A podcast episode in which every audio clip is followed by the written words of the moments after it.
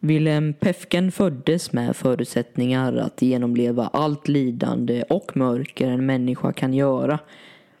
Wilhelm föddes in i ett rike som bara under de nästkommande årtionden skulle ja, skapa konflikter som aldrig någonsin skådats på planeten jorden förut.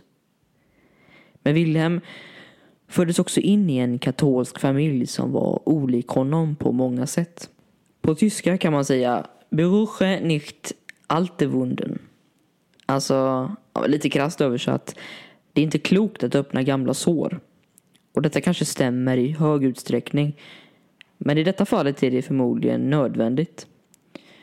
För att den lite drömmande, tänkande och självsökande unga mannen Wilhelm Pefken skulle komma att bli far till en av 1900-talets mest olyckliga men också intressanta artister. Nämligen Krista Pefken. Eller Niko som hon senare kallades. När Wilhelm precis hade fyllt 20 år gammal hade han redan fått Niko. Han hade också tillsammans med hans hustru men också Nikos mor Grete bosatt sig i Köln. Men en av de stora konsekvenserna av att vara nyligen 20 år fyllda på 180 centimeter och bra fysik var att det var svårt att motivera en tillräckligt bra ursäkt för att slippa att bli inkallad. Ja, det var helt enkelt ett faktum. Wilhelm skulle bli inkallad men också strida som soldat i Wehrmacht. Så med korset på axeln skulle han strida i det nationalsocialistiska tredje rikets försvarsmakt. En av anledningarna till att hans dotter Niko hela sitt liv skulle benämna sig själv som citat A nice little nazi baby. Slutcitat får jag ändå säga. Idag pratar vi alltså om en kvinna som hela sitt liv behövde eh, inte bara försvara sig mot men också springa ifrån hennes förflutna. Niko levde sitt liv i en lång livskris kan man säga. Verkade som i alla fall för mig. Som att hon ständigt försöker att distansera sig från ja, men det som hon känner att hon, har, ja, hon är så avlägsnad från. Nämligen tyskarna och dess identitet.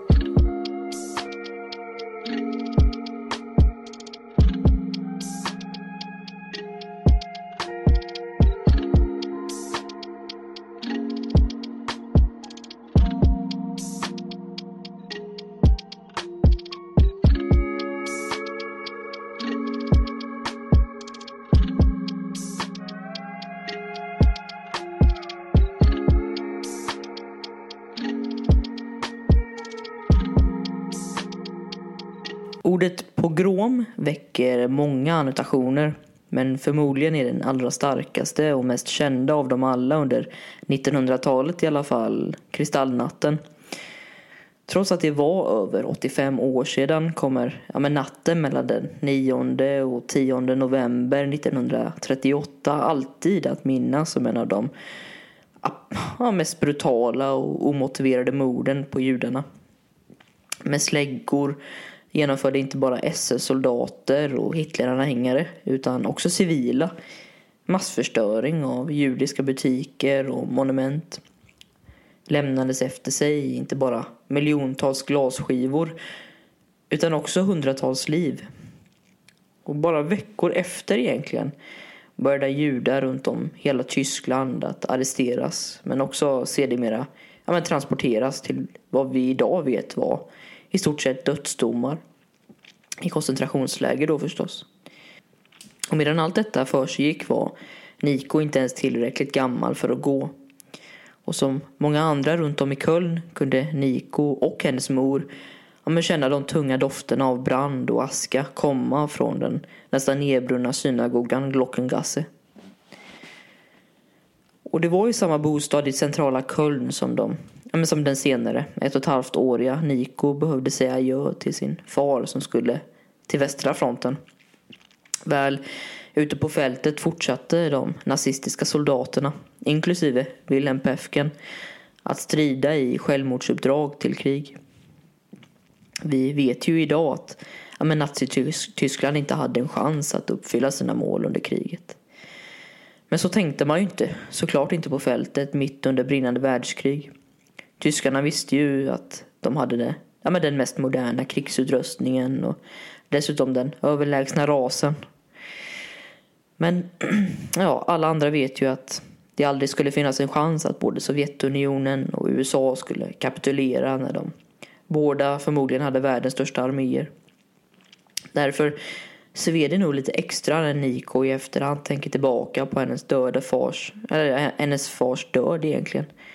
Även fast vi inte ska undergå ett, ja, men det faktum att Wilhelm var nazist som stod bakom en massutrotning av miljoner judar hade ändå Niko inte fel när hon oftare pratade om att hennes far ändå själv hade blivit mördad av nazisterna. Och då är vi inne i 1942 och mycket av det mediala fokuset ligger såklart på östfronten, inte minst Stalingrad. Men kriget tog också livet av båda, ja, men båda sidorna soldater på västfronten. Och Niko mindes länge själv det paket som en dag kom hem till henne och, och Grete då under våren 1942. Det var adresserat från Frankrike och innehöll ett par kalsonger och ett datum. Vi vet nog alla vad det betydde och det tog ju såklart väldigt hårt på den lilla familjen.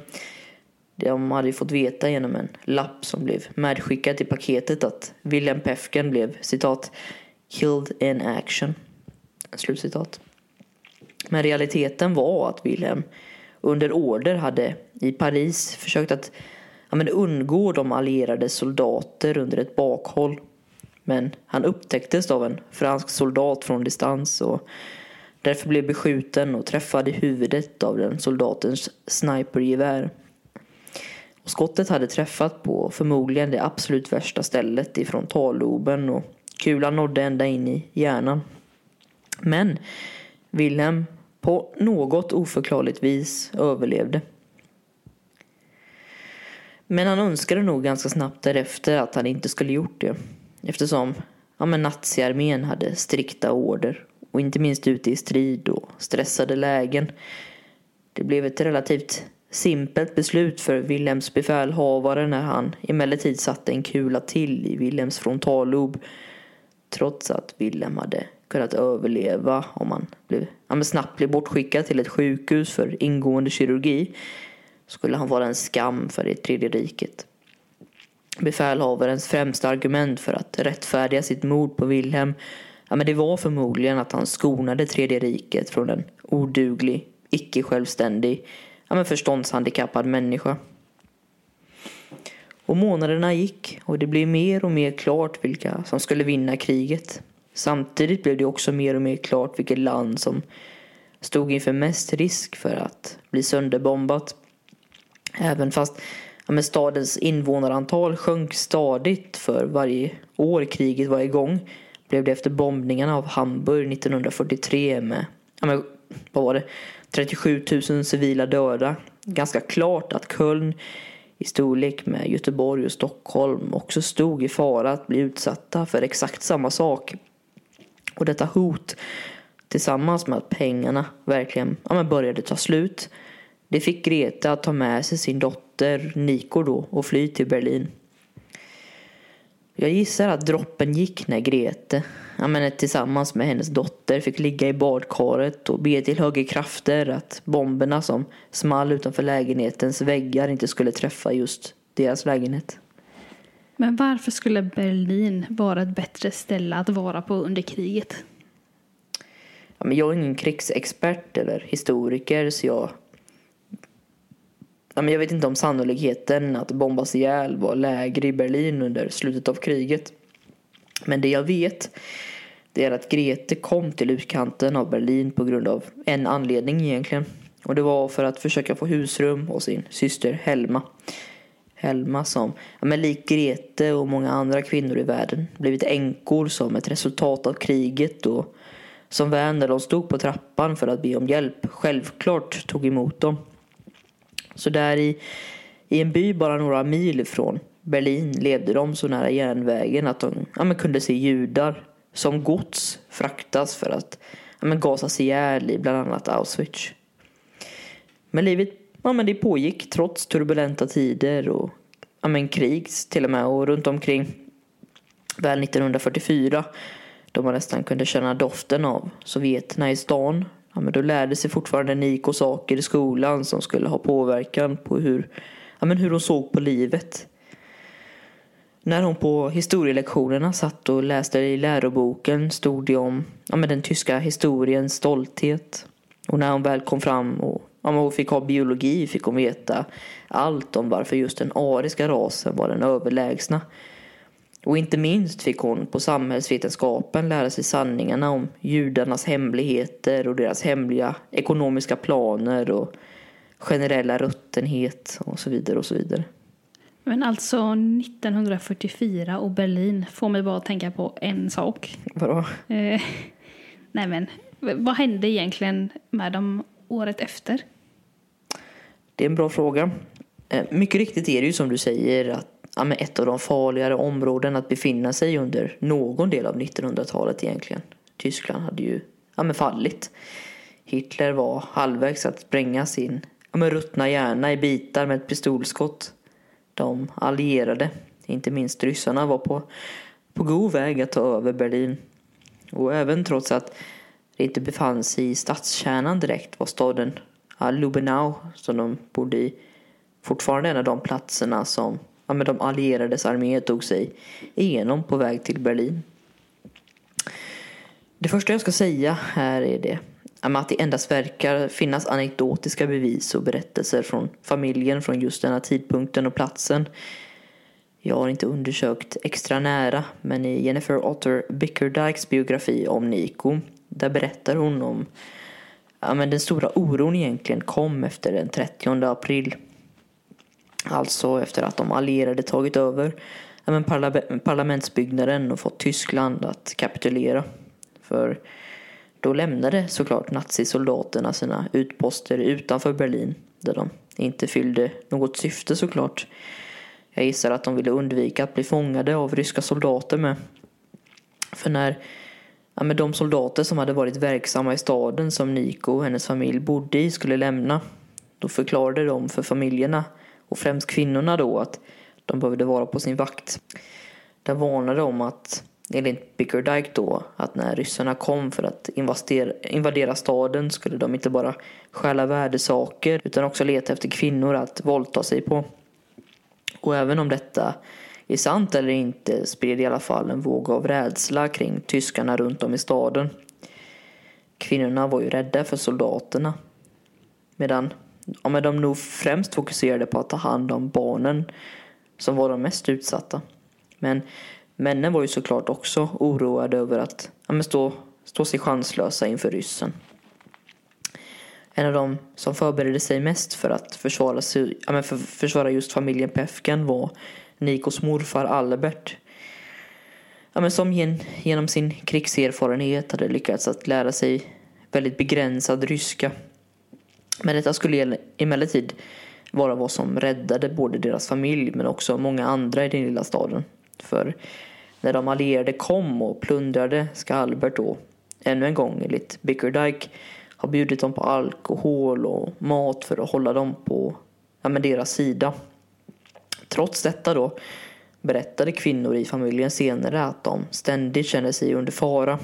De talade liksom om hur de kunde ana i de ryska soldaterna att de var på jakt efter en kvinna att våldföra sig mot. Jag har hittat ett långt citat från Nikos mor Grete, syster i boken eh, Niko av Richard Witts. Sidan 17 om någon vill se. Jag vill gärna läsa upp det här trots att det är ganska långt. Den främsta anledningen till, ja, till det är för att jag vill visa realiteten de levde i. I, citat, i citatet pratar han om när ja, men de fick göra husrum åt de ryska soldaterna ibland. Och jag, är helt, jag har inte heller översatt på grund av risken att göra fel. Citat. We had to accommodate the officers in our house. Grit and I already had the best room and our father also Albert, was clever in that way he gave it to the colonel, because his real concern was to get us out of the house and away from the Russians each evening so that there was less chance of us being raped. We would slip away each night and stay with friends. He once said to, uh, to some soldier, If you ever touch my girls I will make trouble of you. Och sedan fortsätter han senare med att säga Nico told a friend that two ancient Mongolians stayed at the house They would watch me pissing at the toilet. They liked to watch me. Och jag tror inte jag behöver säga mer om detta, för det talar väl för sig självt. Jag vill bara förtydliga att ja, men här att jag är fullkomligt medveten och vill att du som lyssnar också är det. Att det, ja, men det riktiga helvetet var såklart för dem som tragiskt gick bort på grund av kriget. Specifikt judarna och ja, men minoriteterna i Nazityskland.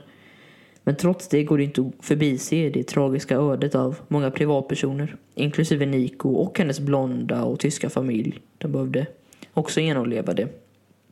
Och trots att kriget senare var över i Europa var livet i Berlin inte enkelt. Det var i stort sett en stad i ruiner. Nico beskrev staden som att vandra runt på månen. Förmodligen var det lika mycket damm och rasmassor som på månen då. Men det var förmodligen inte den tyngsta och mest ruttna doften. För man får inte glömma att doften av tusentals människokroppar som långsamt förmultnar är den värsta av dem alla. Det som dock var positivt för Grete och Niko var att de i alla fall, till skillnad från tusentals andra, men hade någonstans att sova. En egen lägenhet. Trots att vi idag hade ja, men kallat lägenheten för nästan inhuman och definitivt obeboelig. Eftersom det regnade in och på vintrarna var det liksom iskallt.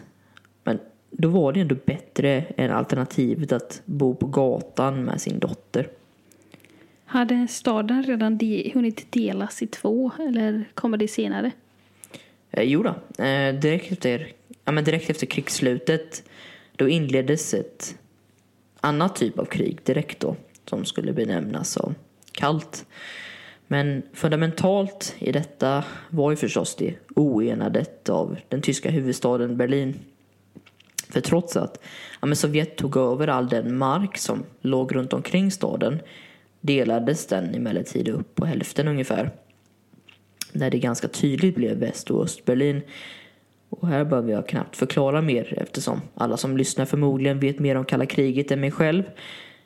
Men Niko förklarade sitt dåvarande sexåriga perspektiv på sin nya hemstad så här. Citat. The Americans put a lot of money into the western half and turned it into a big shop window full of fur coats and sports cars. The East said, We don't waste money and everybody has a job. It is a pity they rebuilt Berlin. They should have left it empty. It would make a marvelous museum now. The National Museum of Destruction. That would be fun, wouldn't it? The shop window of the West, som amerikanerna sa. Precis Karin. The shop window of the West. Och en sak som ja, men är slående när man läser om tiden efter kriget för Niko med då var att hon vittnar om att som sexåring nästan alltid befinna sig på gränsen till svält. Helt enkelt mycket undernärd. Och detta berodde ju såklart på att Europa låg i ruiner och inte hade fått upp sin matproduktion än. Så hon gick helt enkelt kring där, hungrig hela tiden. Så nu, om vi spolar fram till Nikos sena barndomsår, när hon var preteen, då kan man eller då kan vi verkligen börja se de effekterna och den, ja, men den tumultiska uppväxten verkligen hade på hennes utvecklande personlighet. Exempelvis började hon utveckla det som hon ofta anses hemsökt henne hela sitt liv, nämligen hennes utseende. För att Niko började verkligen växa. Trots att hennes mor Grete endast var 160 centimeter skulle hon komma att ärva hennes bortgångna fars längd. Det hon däremot skulle ärva från modern det var de skyhöga kindbenen till exempel och blonda strama håret. Något som hon förstod att hon kunde utnyttja och som sedermera skulle bli en viktig del i hennes persona. Och vid 12 års ålder började hon att drömma om ett liv utanför Tyskland. En dröm som ja, men många nog kan förstå i hennes fall. Men vägarna ut var ju såklart begränsade. Speciellt eftersom hennes familjs ekonomiska situation ja, men den gick på knäna. Därför blev det såklart snabbt ett ja, men en sökande eh, efter hennes egna talanger kan man säga.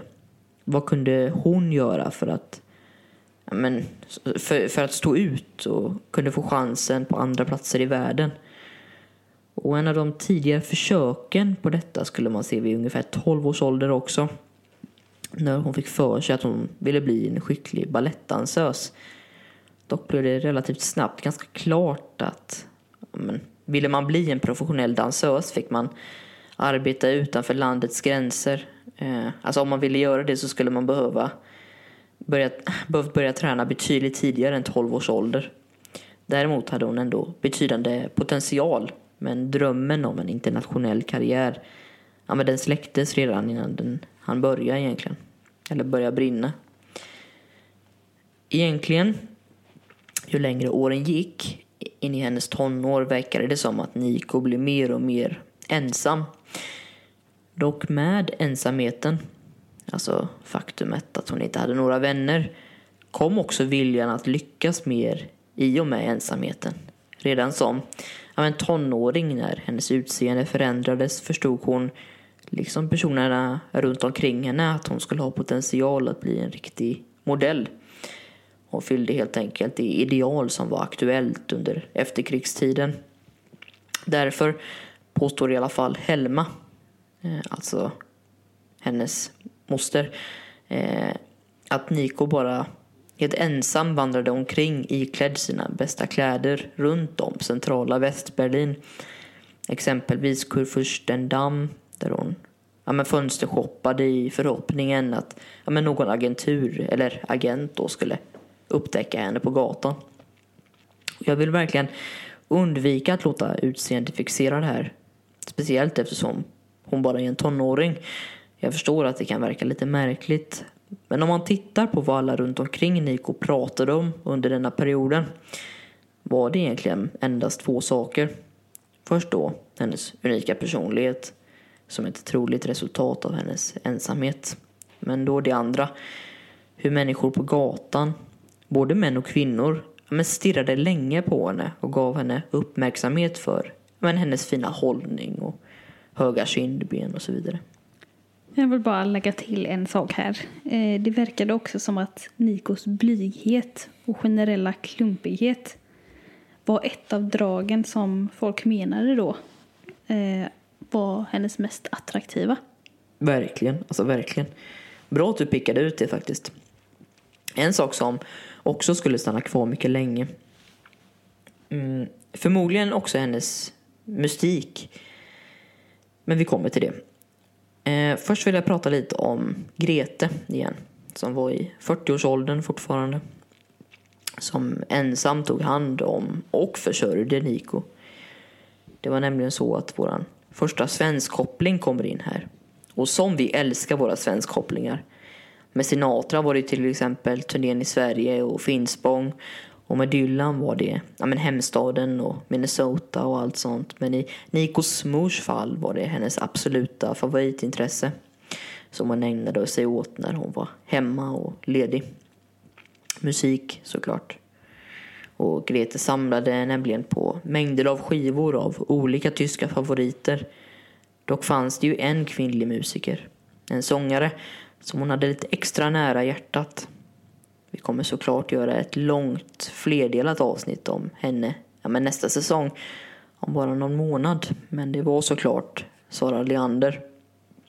Det fanns ingen sångare ja, men som kunde göra att Gretes hjärtas, ja, men göra det så varmt kan man säga. Som när ja, men Sara Leanders altstämma sjöng sina tyskvänliga sånger. Och på det sättet liknar ju Sara Leander Niko i den mån att deras röster var tämligen annorlunda från idealet och mainstream både då och nu. Bara kort då, för er som inte vet vem Sara Leander är. Så, ja men så bra i alla fall så var hon, ja men hon var ju nazipartiets älskling. Hon stannade och spelade in filmer under kriget och blev någon sorts svensk, eller tyvärr då adisk dröm för den tyska befolkningen under de svåraste perioderna. Hon försvarade ju sin medverkan i nazifilmer och speciellt umgänge med nazister som någon form av men, politisk na med naivitet och okunskap. Vilket kan låta befängt. Hon förhandlade ju bland annat sina arbetsavtal med Josef Goebbels. Goebbels som alltså var Nazitysklands propagandaminister. Ja men ni hör ju själva, de träffades ju flera hundra gånger. Men Leander var i alla fall i samma ålder som Grete och hon identifierade sig men främst såg upp till henne. Grete pratade i ja, men någon intervju om att hon hade sådana specifikt vackra svenska ögon och att hon ja, men påminde om en blandning mellan Greta Garbo och Ingrid Bergman. Garbo som var, alltså det är svårt att beskriva hur stor Garbo var under denna tiden. Eh, jag vill hitta skådespelerska som jag vill jämföra med hennes storhet. Men alltså det är liksom, Garbo var topp tre mest kända skådespelerskorna i världen tror jag. Och speciellt i Europa. Men här kommer också någon som är väldigt, något som är väldigt viktigt för vår historia. Och speciellt för hur Nico skulle komma att bli som artist. För som Richard Witt skriver i sin bok om Nico så satt Grete och grät till den unika ja, men kontra allt-stämman från Leander medan den unga Nico satt bredvid och lyssnade. Sedan, som Richard Witts också skriver, när Nico väl började sjunga så inföll hon i samma typ av stämma och typ av röst som den sångare, alltså Leander, som hennes mor hade spelat och fällt många tårar till om och om igen i barndomshemmet.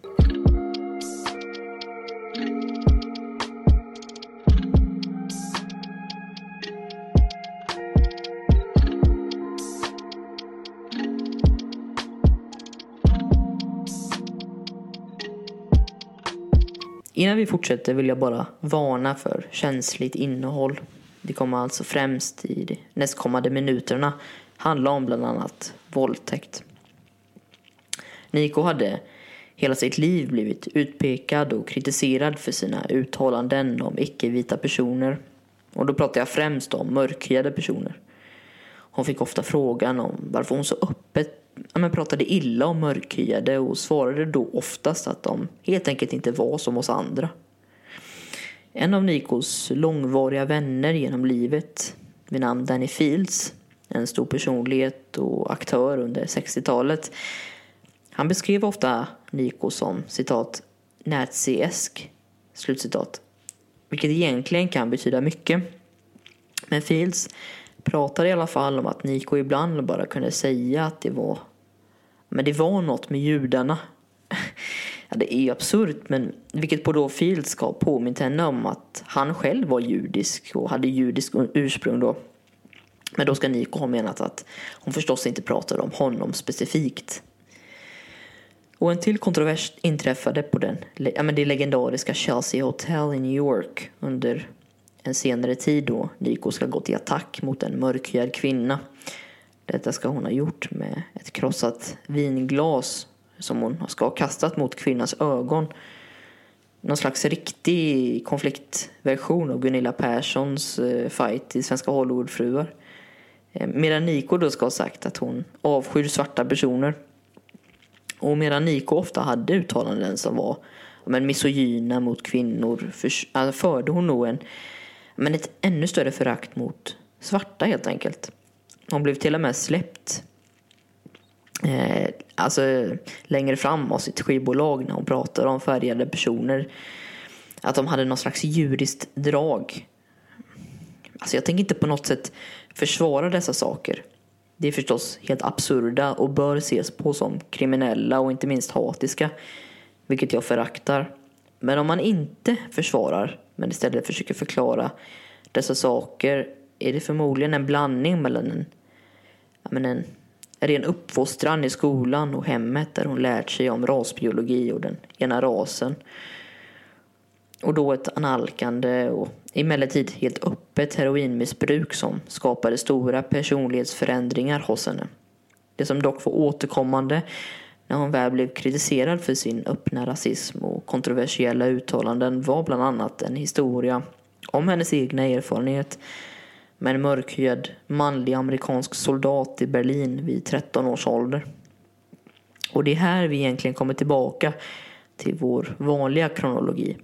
För trots att författaren Richard Witts inte hade hittat något som, ja, men någon som helst dokumentation eller information om tillfället överhuvudtaget. Något som sägs ska ha dokumenterats väl annars så får man ju ändå berätta Nikos egna historia som hon ja, men, gick tillbaka till gång på gång. Det var nämligen så att Niko berättade själv att när hon var så ensam och ung tonåring som vi pratat om gick hon ju främst runt bland ja, men gatorna för att få uppmärksamhet. Något som hon fick också. Men en kväll när gatorna var tomma och mörkret låg över Berlin så kom hon ansikte mot ansikte med en mörkhyad amerikansk soldat vid ett gathörn. Först ja, men då ska soldaten bara ha tittat på henne. Försökt kommunicera utan att få ett svar från Niko.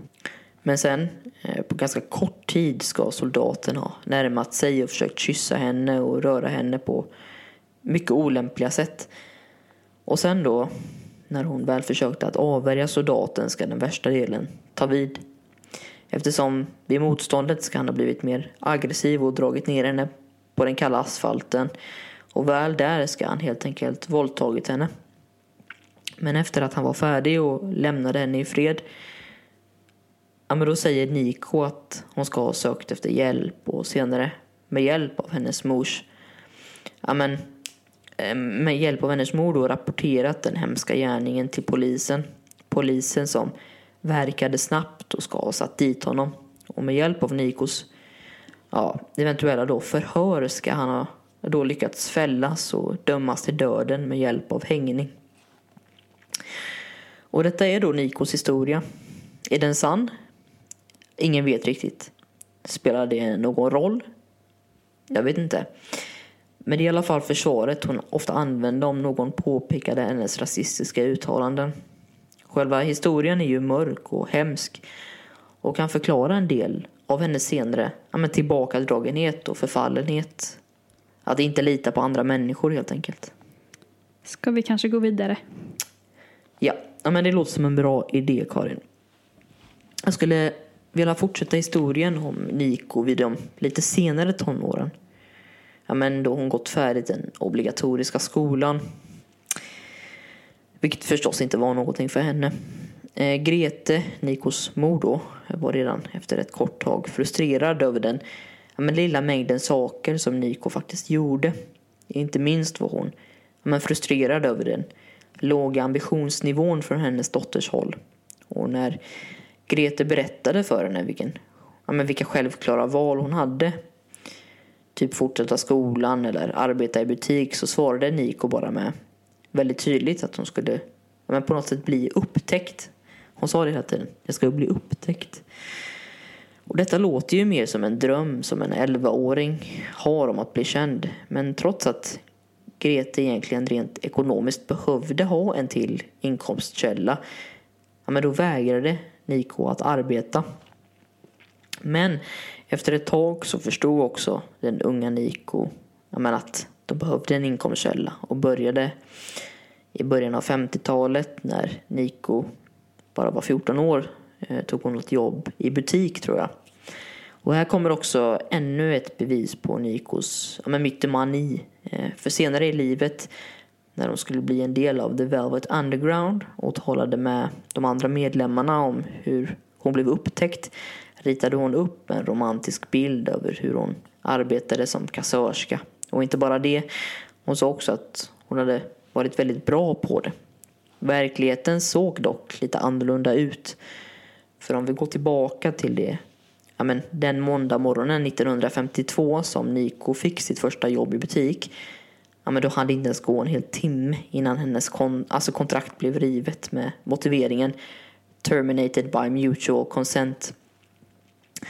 Det som hade hänt var att hon enligt henne själv då ska ha upptäckt att hennes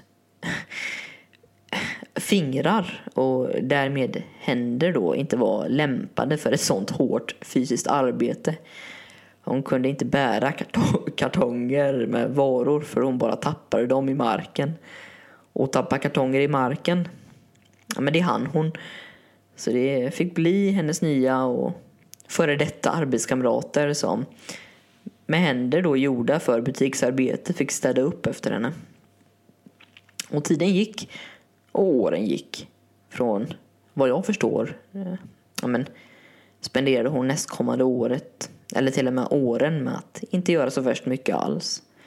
Hennes mor hade gett upp på hennes, ja men på henne helt enkelt lite grann. Och dessutom hade Grete förtroende hos potentiella arbetsgivare för Niko blivit lägre och svårare på grund av den hårda konkurrensen i Berlin under denna tiden. Men en dag i mitten av 50-talet ja, men då förstod Greta att det kanske inte bara var orealistiskt drömmande av Niko att bara ville bli upptäckt. Alla ensamma dagar längs de långa avenyerna i Berlin som hon äntligen ja, men såg sin chans. Det fanns, och finns fortfarande, eh, tror jag i alla fall, ett känt varuhus i stan som heter Kaufhaus till Western, eh, eller KDV. Vilket jag förstår ska vara någon slags tyskt NK, alltså ett lyxvaruhus för ja, den övre medelklassen och högre än det. Något som kontextualiserades genom att många av fönstren med, med klädkollektioner inte hade mannequins eller skyltdockor då, utan riktiga modeller. Och det är som, ja men, det är som en levande provdocka som Niko först tar anställning då som 16-åring. Det var en namn vid, eh, vid namn Heinz Östergaard som tog henne in lite ovilligt först. Hon hade trots allt ingen erfarenhet av att modella alls. Men det skulle ganska snabbt bli klart att hon hade en, en naturlig begåvning för det. Det handlar alltså inte bara om att se bra ut utan också veta hur man ska röra sig och agera. Men inte minst för Niko handlade det om att bita ihop när jobbet var jävligt tråkigt. För hon hade inte riktigt insett hur ja, men realiteten av arbetet såg ut. Att hon var ja, men tvungen att byta om snabbt som fan och ja, men främst vänta och sen också främst vänta och sen främst vänta men även fast jobbet var lite tråkigt så skapade hon sig en, ett, ett bra utgångsläge. Med det första modelljobbet på KDV hade ja, men hon hade gjort ett märkbart intryck och hade inte särskilt svårt att få arbete efter det då. Och det är egentligen här men hennes liv förändras såklart. Hon får jobba som frilansmodell för olika ja, fotografer och magasin redan som 16-åring. Hon gör liksom reklam för smycken och kläder och tar sedan emot arvodet som hon hade kunnat hjälpa att betala hyran med. Men istället då använt för att gå ut med sina nya modellvänner och festa på diverse gayklubbar runt om Berlin. Men jag ska inte ta heder och ära av henne. Hon kanske var ganska klar över att hon gick in i yrket med främsta motivering att ge mat på bordet åt henne och Grete liksom. Hon var tydlig med att ja, men nu skulle ges tillbaka efter alla år som hennes mor hade hjälpt henne. Inte bara var det ja, men något fabricerat som hon bara sa för att låta som en god dotter utan hon proklamerade också i efterhand att modelljobbet inte var något som hon brann för och gjorde det som krävdes för att tjäna pengar åt familjen. Därför tog det nog ja, men, tog det nog emot lite extra för både Niko och Grete när det var dags för Niko att följa pengarna och yrket till ja, men modemeckat, nämligen Paris. Det ska ha varit ja, men något alldeles extra när de skulle separera efter vad de hade gått igenom tillsammans. Det kan man ju också förstå. Nu kommer vi alltså in på en av de, ja, men de mest viktiga perioderna i denna berättelse. Men också såklart Nikos liv alltså Parisperioden. Den period hon ofta pratar om varmt. Den period då hon själv påstår att hon har blivit uppraggad av Hemingway på ett hotell på Left Bank.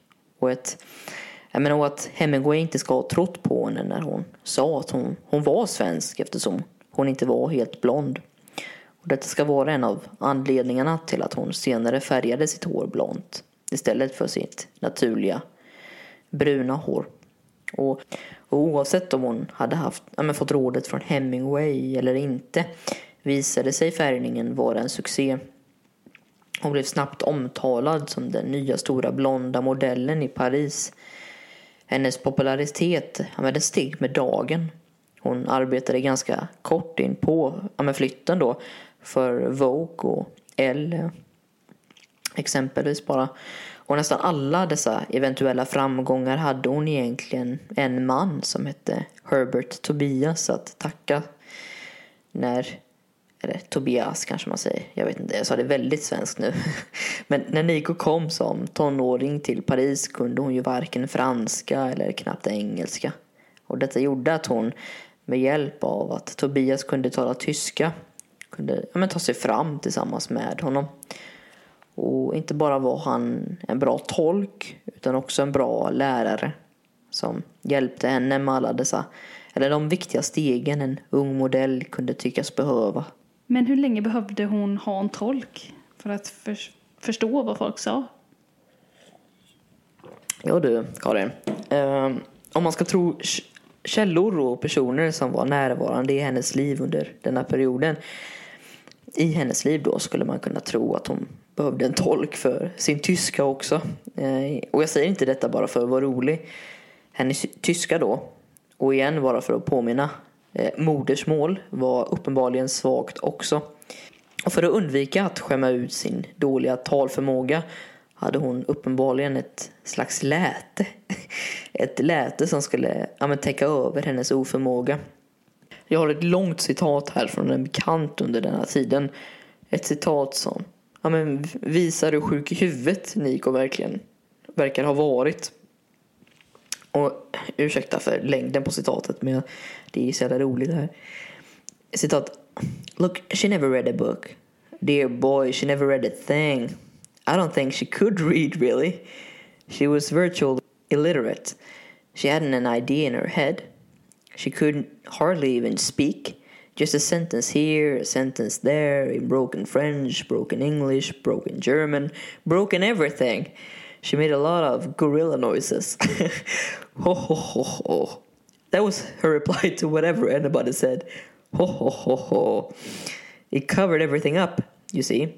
Her ignorance, her lack of savoir-faire, her uncertainty, uh, uncertainties, her fears. She was a lovely, lovely, lovely girl a wonderful face, sensational and regular in her features and her hefty body. She was fabulous, beautiful, a magnificent child. She had such a delightful time walking around Paris, running through the streets, ho ho ho ho, along the Seine, the quays, in the cafes. She was always joking about little things. She had the mentality of an 11 year old. There will never be another Nico. Never, never. Och det är alltså taget från biografin av Richard Whitsian på sida 41 om någon vill hitta det. Citatet är visst elakt men det gör ett jävligt bra jobb med att summera hennes personlighet under denna tiden. I alla klipp man ser så är hon, ja men är hon exakt så här mystisk men också framstår hon som dum. Även fast hon kanske inte är det faktiskt. Det står lite längre fram i boken att hon ja, men tyckte, tyckte om atmosfären av tomhet, typ. Eh, jag vet inte exakta fraseringen, men att hon liksom gillade att inte tänka. Många som hade en konversation med den unga Niko verkade ganska snabbt ha förstått att hon ja, men kanske inte alltid lyssnade. Det var liksom charmigt. Niko sa flera år senare att också att Paris var som en ja, men som att öppna en dörr till en läskig ny värld hon hade liksom pratat om hur så fort hon gick igenom den dörren kände men kunde känna trycket mot huvudet. Att hon kanske simmar på lite för djupt vatten. Och i denna kontexten pratar hon också ofta om med sin egen intelligens. För att Niko menade att hon såklart inte var dum själv. Hon var bara en produkt av det skolsystemet hon hade blivit uppfostrad i. Hon menade också att hon var vad vi i nutid skulle kalla för street smart.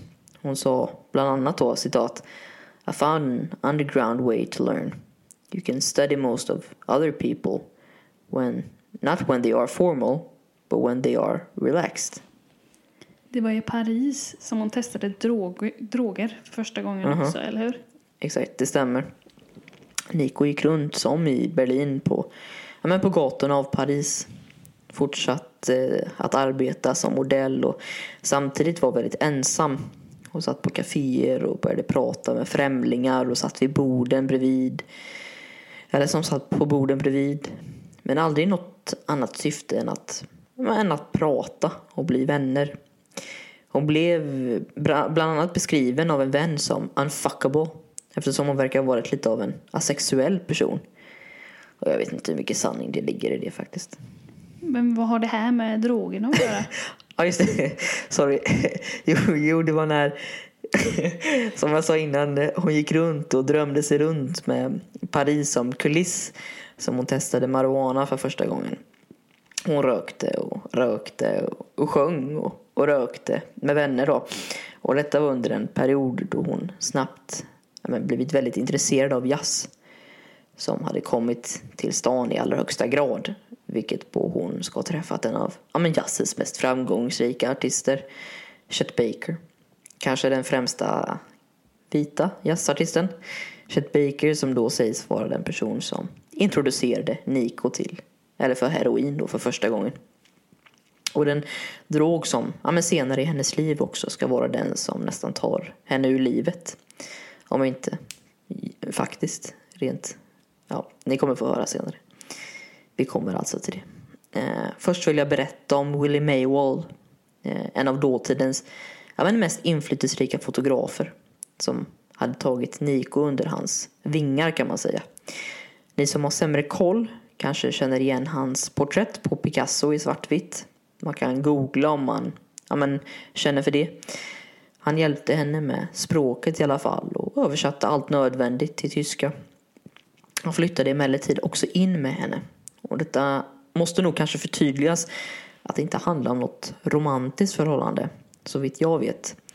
Men hon kanske skulle önska det mer än realiteten. Han tog nämligen nästan dagligen med henne till middagar, både ute men också hos andra vänner. Där visade han exakt hur mycket hon skulle äta och vad och när. Ni fattar. Allt för den perfekta modellkroppen. Något Niko i efterhand berättade var en av de men jobbigaste sakerna med arbetet. Men Maywalls intressen låg inte enbart på att hon skulle hålla kroppen idealisk utan också få ut henne i Parislivet. Han tyckte att hon var för asocial och behövde vänja sig med att, med att vara med vänner och socialisera sig. Men likt alla andra i Frankrike. Det är liksom kulturen. Och vi alla, vi älskar nog ännu en svensk referens. Det vet jag. Och om jag säger Anita Ekberg så vet jag att du inte kommer reagera Karin. Så elak är jag inte. Jag kommer inte förhöra dig om Anita Ekberg. Men många vet nog vilken av hennes filmer som blev mest framgångsrik. Främst tror jag att de flesta känner eller tänker specifikt på en filmscen som skulle komma att bli en av de mest berömda genom tiderna. Och, ja, jag talar förstås om scenen där Anita och Marcello Mastroiannis, jag tror han heter så, badande i Fontana di Trevi, Fredericis Fellinis Magnum Opus, La Dolce Vita. Och jag hörde någon men ganska vackert förklara hennes medverkan genom att säga att filmen är i svart och vitt men Anita är i silver. men varför talar jag då om denna film? Jo, eh, Nico hade ju farit till Rom för att träffa en av hennes närmre vänner. Rent ekonomiskt hade Nico ja, men det mycket väl ställt i slutet av 50-talet. Hon kunde betala sina och andras levnadskostnader. Och det var väl då, väl i Rom, tillsammans med hennes vän som hon hade av en slump då stapplade in på inspelningen av La Dolce Vita. Eller Det ljuva livet då som den heter på svenska. Där ska de ha hängt runt ett tag tills de stötte in på den då legendariska ja, men regissören Fellini mitt i inspelningen av en scen. Och inte vilken scen som helst heller utan en orgis, orgiescen, någon form av orgie i alla fall. Ehm, och legenden går då att Fellini var ja, men konfunderad över hur scenen skulle ställas upp rent kero, eh, hur säger man Karin? Eh, koreografiskt. Eh, eh, Ko koreografiskt? Ja, koreografiskt tror jag det Tack. Och då ska Niko ha sett sin stora chans liksom. Eh, fråga mig inte om sanningshalten här. Men det som sedan ska ha hänt var att hon erbjöd sina tjänster Men enligt Niko då ska Fellini, innan hon ens hann säga något annat, ha sett henne från avstånd, börjat halvspringa mot henne för att sedan utbrista i liksom enorm glädje. Han ska ha omfamnat henne och helt enkelt sagt att han, ja, men han drömt om hennes ansikte under en lång tid. Hon var den som han hade, likt Jesus, väntat på. Hon är gjord för att få en roll i filmen och oavsett hur sann den här historien är så fick hon i alla fall en scen i filmen. För det som hände var ju att hon först erbjöd, eller han erbjöd henne en liten del som inte hade några repliker direkt. Men ändå var liksom med i bakgrunden på något café i Rom. Men han ska sedan vilja ta med henne i många scener som en, ja, en karaktär som pratade. Och ni som sett filmen Det ljuva livet ja, men vet ju att hon är med i minst fem minuter sammanlagt. Hon spolar spolar. Hon, hon spelar då såklart en modell som själv heter Nico och är väldigt lik henne själv. Och en av men de roligare sakerna från Jennifer Otter Bickerdikes biografi om Nico var att hon berättade om detta mötet. För hon påpekar att detta var Nikos första stora roll men också hennes drömroll. Hon hade ju faktiskt spelat Nico i över tio år nu hon hade ju repeterat och jobbat på sin karaktär i över 3000 dagar sammanlagt liksom. Det kommer ta ett bra tag tills jag förlåter dig för att eh, vi såg den här filmen Arvid. Vad menar du med det? Den är ju en av de kändaste i världen. Nej, men att du fick oss att titta på filmen endast på grund av vad du sa. Research. Ja, det är research. Men eh, innan du berättade att jag skulle hålla utkik efter Niko kunde du ha berättat att det skulle ta två timmar innan hennes scen kom. Karin, jag ber innerligt om ursäkt för det. Men eh, om jag får fråga så här, vad tyckte du om hennes skådespel när hon väl kom in i scen 75?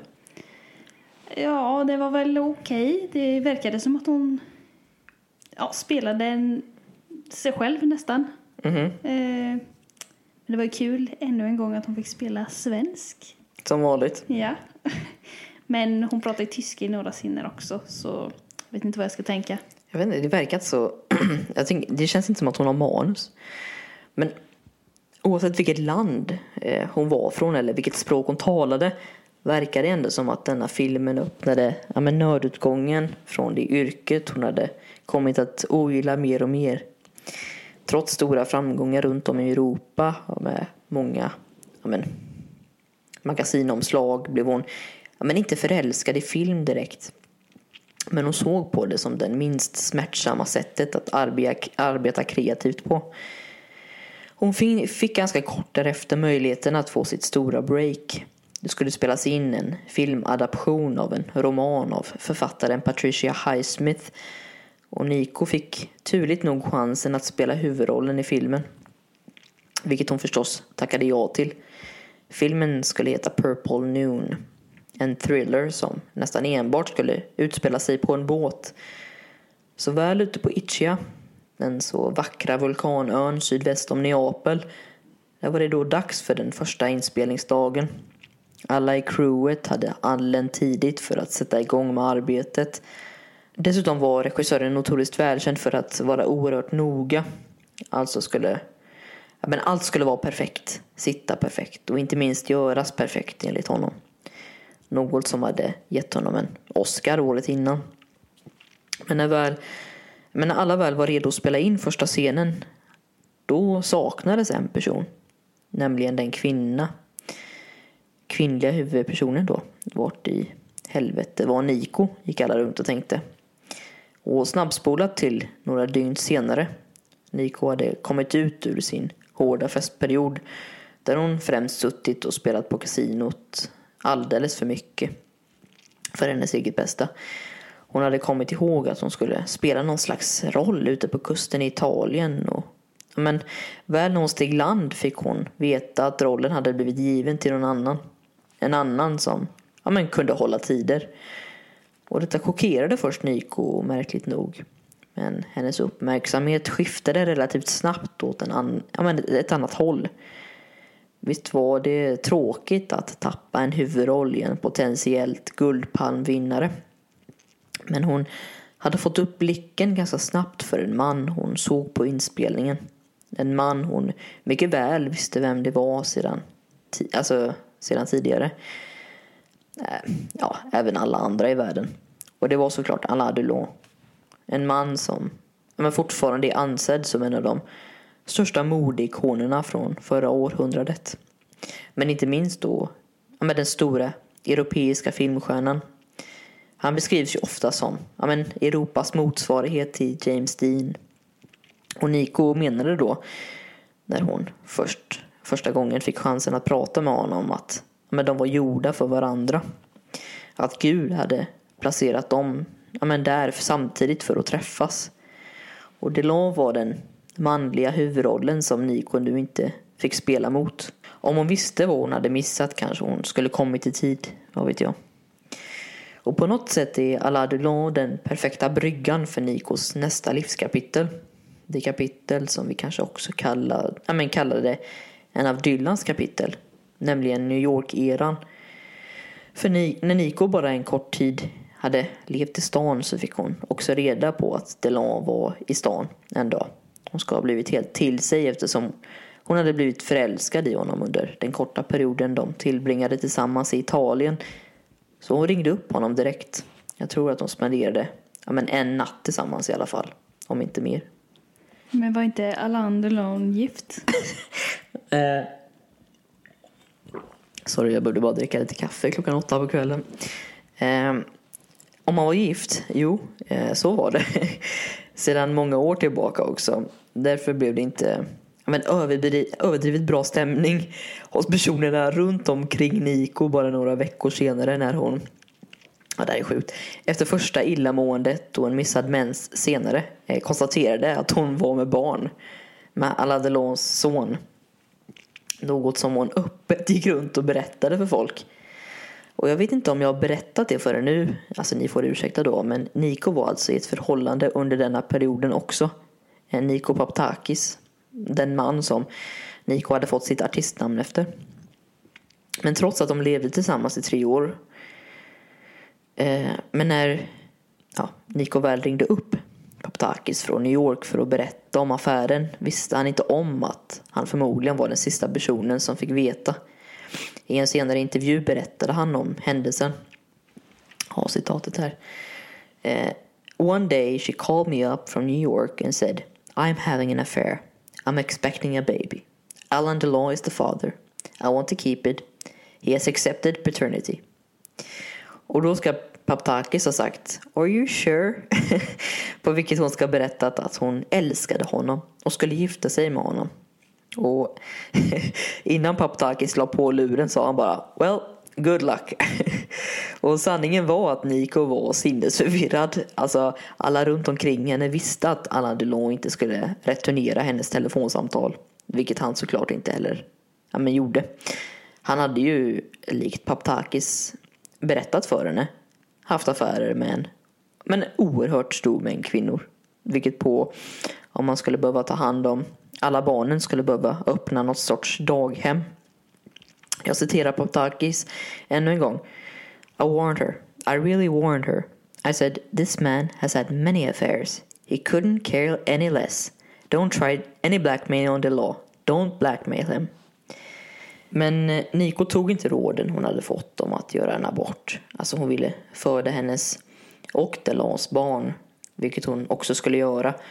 Under hennes höggravida månader åkte hon till Ibiza för att ja, men leva lite lugnare. En ö hon man hade kommit att förälska sig i. Och också bosätta sin sjuka mamma på.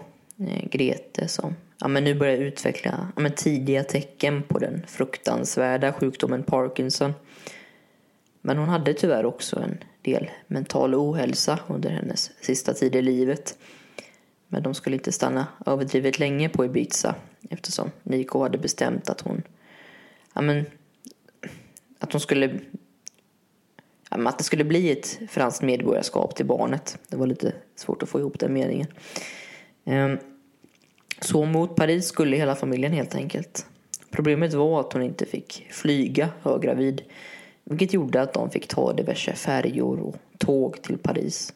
Ehm, Richard Witt skriver i sin bok att dessa resor som närmare men liknade en tågluff vars ja, men minst sagt påfrestande för alla inblandade liksom.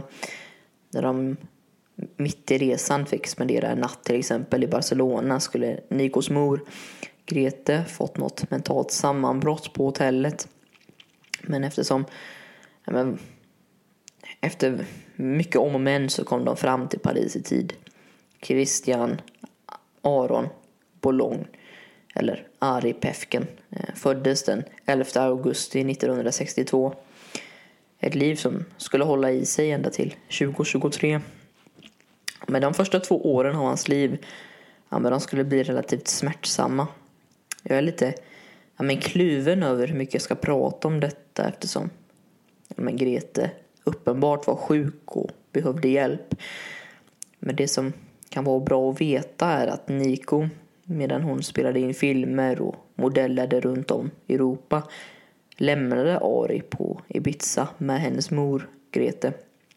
Detta medan hon hade lyckats få alla Delons mor att ta ansvar för Delons del av familjen. Men det visade sig ganska snart att Grete inte var i skick att ta hand om ett litet barn. Så Niko, som var iväg på jobb, fick en dag ett samtal om att hennes mor behövde läggas in i ett, ja, men ett längre tag och inte var i skick att ta hand om Ari längre. Vilket Niko ska. Ja, men tillfrågat Delans mor om hon ja, men kunde ta hand om honom. Men när familjen Delon väl kom, ja, men kom dit för att ta med sig barnet från Ibiza så visade det sig att Grete inte hade tagit hand om honom alls nästan.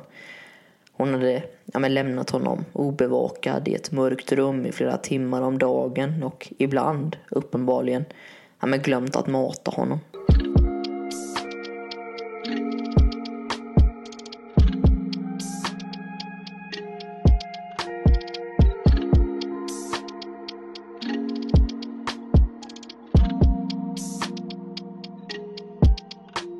När årsskiftet 1963-64 kom hade Bob Dylan redan hunnit bli, om inte household, men i alla fall välkänd i västvärlden. Han hade släppt två studioalbum varav ett av dem skulle komma att ge honom ett ordentligt genombrott. Bara på ja, men hösten 63 hade han också ja, men eleverats till något viktigare i och med då ja, men Kubakrisen, hans stöttning i kampen om allas lika värde och nu då efter det minst sagt omskakande slutet på året och hans presidents plötsliga bortgång. Ja, men då skulle han i alla fall till Europa för att turnera. Sjukt ändå att vi har lyckats få med John F Kennedy i typ varenda avsnitt. Ja, det är faktiskt sant. Jag tror också jag fått in Bob Dylan i nästan varje avsnitt i alla fall. Eh, men många kanske undrar varför jag ens pratar om honom. Jo, han hade ju först åkt till England för att ja, spela utsålda konserter men också för att få ja, för att såklart göra press och ja, reklam för sin skiva. Efter det dock, i början på januari 1964 bestämde han sig att åka till ja, men, House Offrays, eh, eller Offray i Paris. Och Offray som hade ja, men, slagit igenom med att göra franska covers på Dylan. Typ som Vargen gör i Sverige. Eh, det var liksom när Afray och Dylan strövade runt på Paris gator under hans visit. De stötte på Nico som redan visste precis vem han var. Det oväntade var att när Dylan blev introducerad till Nico visste han vem hon var också. Han hade nämligen känt igen henne från La Dolce Vita. Och ganska snabbt klickade de. Han ska ha spenderat men nästan en hel vecka tillsammans med Nico i hennes lägenhet. De skulle då, utöver allt annat man kan tänka sig att de gjorde, ha pratat väldigt mycket och ingående. Och deras förhållande ja, men slutade inte där heller. För de skulle senare spendera ytterligare en vecka i Grekland. Där Dylan då först ska ha skrivit låten I'll keep it with mine för Nico då. Han ska senare ha sjungit den för henne medan han också avskydde när hon sjöng med honom. Nico påstod själv att, han, att det handlade om att, han, att hon kunde sjunga och att han inte tyckte om det. Jag tänker läsa lite av låten Dylan skrev efter långa pratstunder med Nico om hennes liv då och bakgrund och inte minst barn. Eh, I låten är det till exempel då You will search babe at any cost but how long babe? Can you search for what's not lost? Everybody will help you. Some people are very kind but if I can save you any time, come on, give it to me, I'll keep it with mine. Men jag tar inte upp Dylan bara på grund av att han, ja men, att han är min husgud. Utan i Nikos liv spelade ja men, detta korta och intensiva förhållande en väldigt stor roll. Eftersom trots att Dylan inte ville att hon skulle sjunga med honom så påpekade han att hennes röst var imponerande och unik. Han var kanske den ja, men sista pushen hon behövde för att ta steget in i det musiklivet och karriären hon hade drömt om i hemlighet under ett långt tag. När hon vågade berätta om dessa hemligheterna till Dylan så tipsade han henne om att försöka få gig i det område som han bara några år tidigare hade slått igenom i själv. Nämligen Greenwich Village. Jag tror att han också påpekade för henne att det inte skulle bli enkelt. Men eftersom hon ändå skulle modella i New York inte så långt senare kunde hon ändå, ja men det kunde vara värt ett försök helt enkelt. Men hon skulle också ha lite tur på vägen. För det var när hon väl befann sig i New York ehm, som hon råkade hon inte bara på ägaren då till klubben som Dylan hade rekommenderat. Men han sökte även efter en sångare för fyra kvällar. Allt med Nico låter inte bara som en slump utan ja, rent påhittat egentligen. Men det verkar faktiskt som att just detta hände. Hon tackade ja, sjöng några kvällar på baren The Blue Angel i The Village. Men hon tyckte inte alls om det. Det var typ uppenbarligen var publiken undermålig enligt henne då. Men kan du bara förklara en sak? För jag fattar inte riktigt. Du säger att hon tjänade bra med pengar och reste jorden runt som modell. Mm -hmm. Varför ville hon då alltid så gärna göra någonting annat? Man kan till och med säga att hon aktivt rymde från jobbet men blev infångad gång efter gång. Sanningen var dock ganska ledsam. För trots att hon endast var 26 tror jag hade tiden runnit ifrån henne lite grann. Speciellt efter födseln av hennes son. Hon såg äldre ut helt enkelt än vad hon var. Och inte minst sliten. 1960-talets modellideal var ganska likt det, ja, men det, det vi har nu.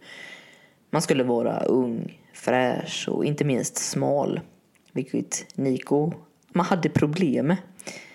Alltså jag antar att hon vägde normalvikt men för en modell var hon ja, men inte bra nog. Eh, efter att hon hade slutat med amfetaminer så gick hon upp från det modellsmala så hon tvingades slutligen ja, men lämna karriären kan man säga.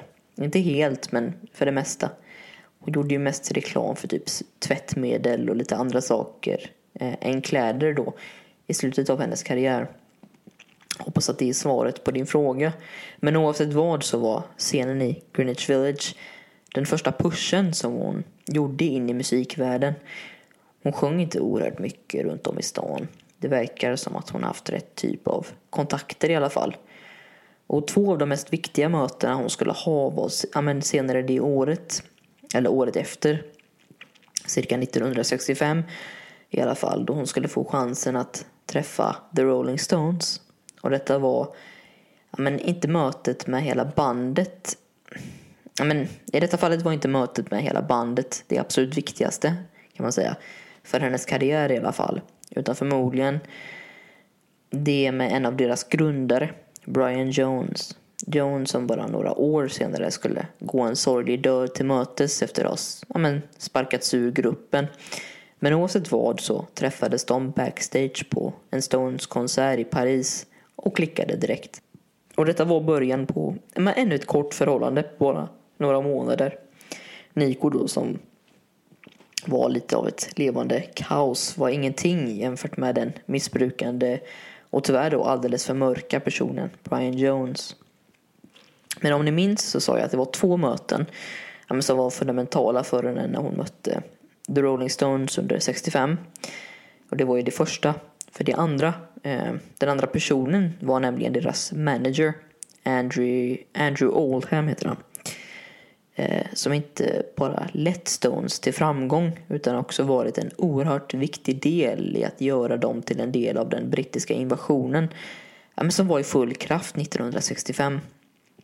Svårt att nu i efterhand beskriva ja, men hur stora de verkligen var. Man kan väl säga att det var The Beatles som Nico för övrigt träffade också. Men då också The Stones som var de stora grupperna. The Stones då som Nico verkligen föredrog. Och det skulle i alla fall dröja ett tag från ja, men Nico och Oldhams första möte innan de verkligen kunde prata om Nicos karriär. Nico hade blivit, ja, men, blivit helt tagen av Old, Oldhams persona.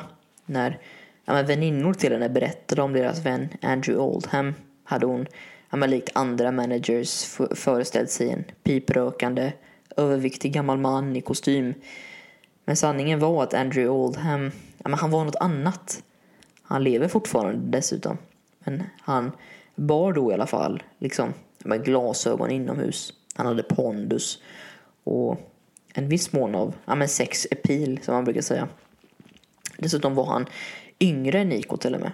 Andrew, vars far intressant nog hade stridit mot Nikos far under kriget och blev också, likt hennes far, dödad i strid av samma allians. Men Nico fick i alla fall chansen att ha ett samtal med Oldham på ett slitet hotell i Los Angeles senare samma år. Efter en spelning av The Stones så tog han henne till en ja, men toalett lite bakom hotellet. Där de ja, men båda drog en lina speed. Och därefter ska Oldham ja, ha sagt att det var dags att förhandla. Han ska ganska tydligt, ja, men, han sa ganska tydligt att han planerade att skapa ett helt nytt skivbolag och ville att hon skulle vara en av deras stora dragplåster. Han såg liksom potentialen i henne. Och trots att ja, men trots drogerna och ruset så bad han henne i alla fall komma på en låt som hon ville ha med på sin debut-LP eh, då. Och Nico bar detta med sig. Hon skulle liksom äntligen få chansen att spela in låtar. Och det som bara några veckor liksom om bara några veckor verkar det som. Så medan hon reste runt ska hon ha gått runt och tänkt på vilken låt hon men, hade kunnat spela in. Och här kommer då Dylan in igen. För vad vore en debutsingel om inte skriven av vår tids största låtskrivare? Hon kom ihåg att för inte så länge sedan skrev Dylan en låt om och till henne. Och det är just den hon skulle spela in. Och här kommer en anekdot för finsmakarna kan man säga. Ber om ursäkt på förhand. Men när Nico var i England på modelljobb och kom på att hon ville använda Dylans låt behövde hon få tag i Dylan för att, ja, för att bekräfta att det var okej. Okay. Den så ständigt kallade slumpen hade följt efter henne till England igen. Och eftersom Dylan var i England på vad vi idag vet och känner igen som turnén bakom och i filmen då Don't Look Back en av musikhistoriens främsta musikdokumentärer.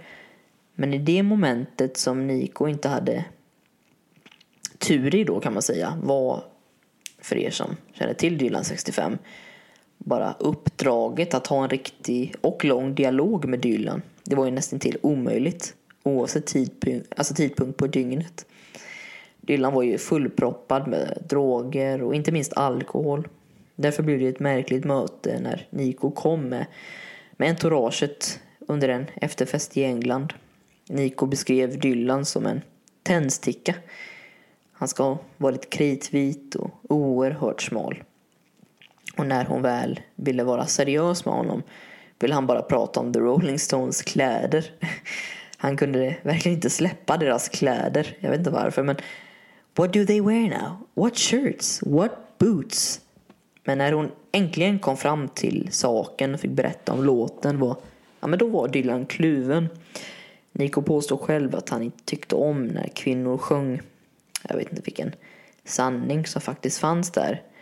Men Dylan gick i alla fall med på att testa att spela låten i någon drogad tillvaro. Nico behövde därför hänga med hela Dylans entourage i ja, men flera dagar. Gå på restauranger, vara på fester med alla från Amerika liksom. Och kändes inte alls i ro med, med den tillvaron där kvinnorna behövde sitta på rad och, ja, men och vänta på Dylan och de andra männen. Men oavsett vad så lyckades hon ja, men till slut få Dylan till studion en av dagarna. Trots att han var berusad så var Niko nog bara lättad att få det överstökat. Och första tagningen på pianot sjöng Niko med och spelade in. En tagning var också allt som behövdes. Och förmodligen klarades av om vi ska vara helt ärliga. Och efter att de spelade in den och de kunde avsluta sessionen men då vände sig Dylan till Niko och sa Vill du höra min nästa singel? Och när Nico fick höra den så har hon berättat att hon talade om för Dylan att det var inte lika bra som hennes sång. Vilken låt var det? like a rolling stone. Och när hon väl berättade detta för Oldham skakade han på huvudet. Trots att hennes version lät bra och inte på något sätt var dålig kunde man inte debutera med en låt så sorglig, så mörk. Måste ju varit lite märkligt för Nico eftersom den handlade om henne. Men hon förstod på något sätt. Den låten som faktiskt spelades in för hennes debutsingel då är en låt många av er förmodligen har hört. Det är en låt vid namn I'm not saying. Och också en ganska sorglig låt men jag förstår varför den valdes liksom. Hur blev den mottagen då? Ja, eh, ganska snabbt nådde hon ut till en stor publik. Oldham hade sett till att men hon fick spela på en av Englands största program under denna tiden. Nämligen Ready Steady Go. Där hon, vad det verkar som, ja, man blev mycket väl mottagen. Men själva singeln floppade. Eh, det blev helt enkelt inte någon succé för henne. Och den kritiserades som ytlig i den engelska pressen. Så där trodde nog alla att tåget ja, men redan hade gått för henne.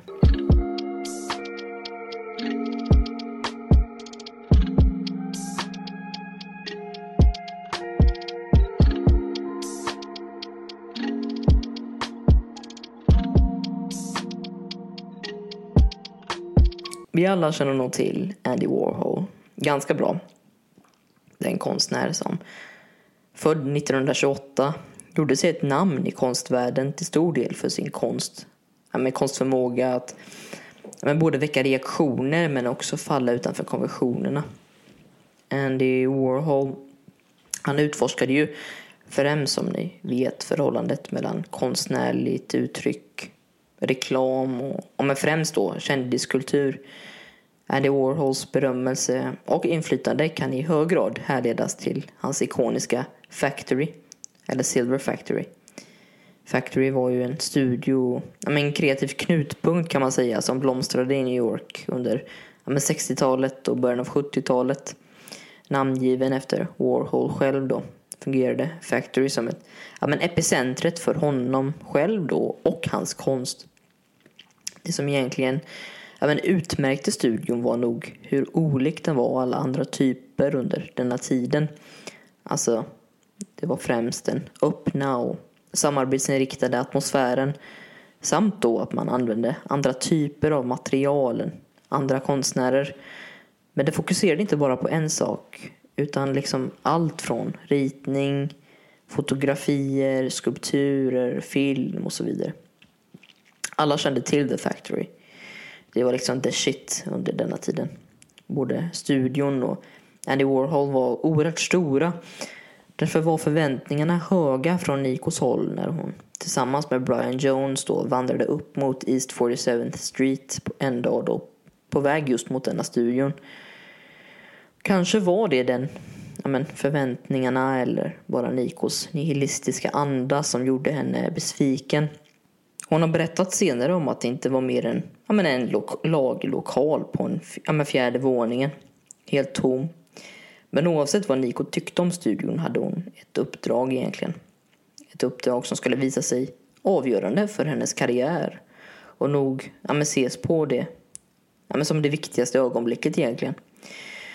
Hon gav helt enkelt ja, men sin nya LP till Warhol när hon väl presenterades.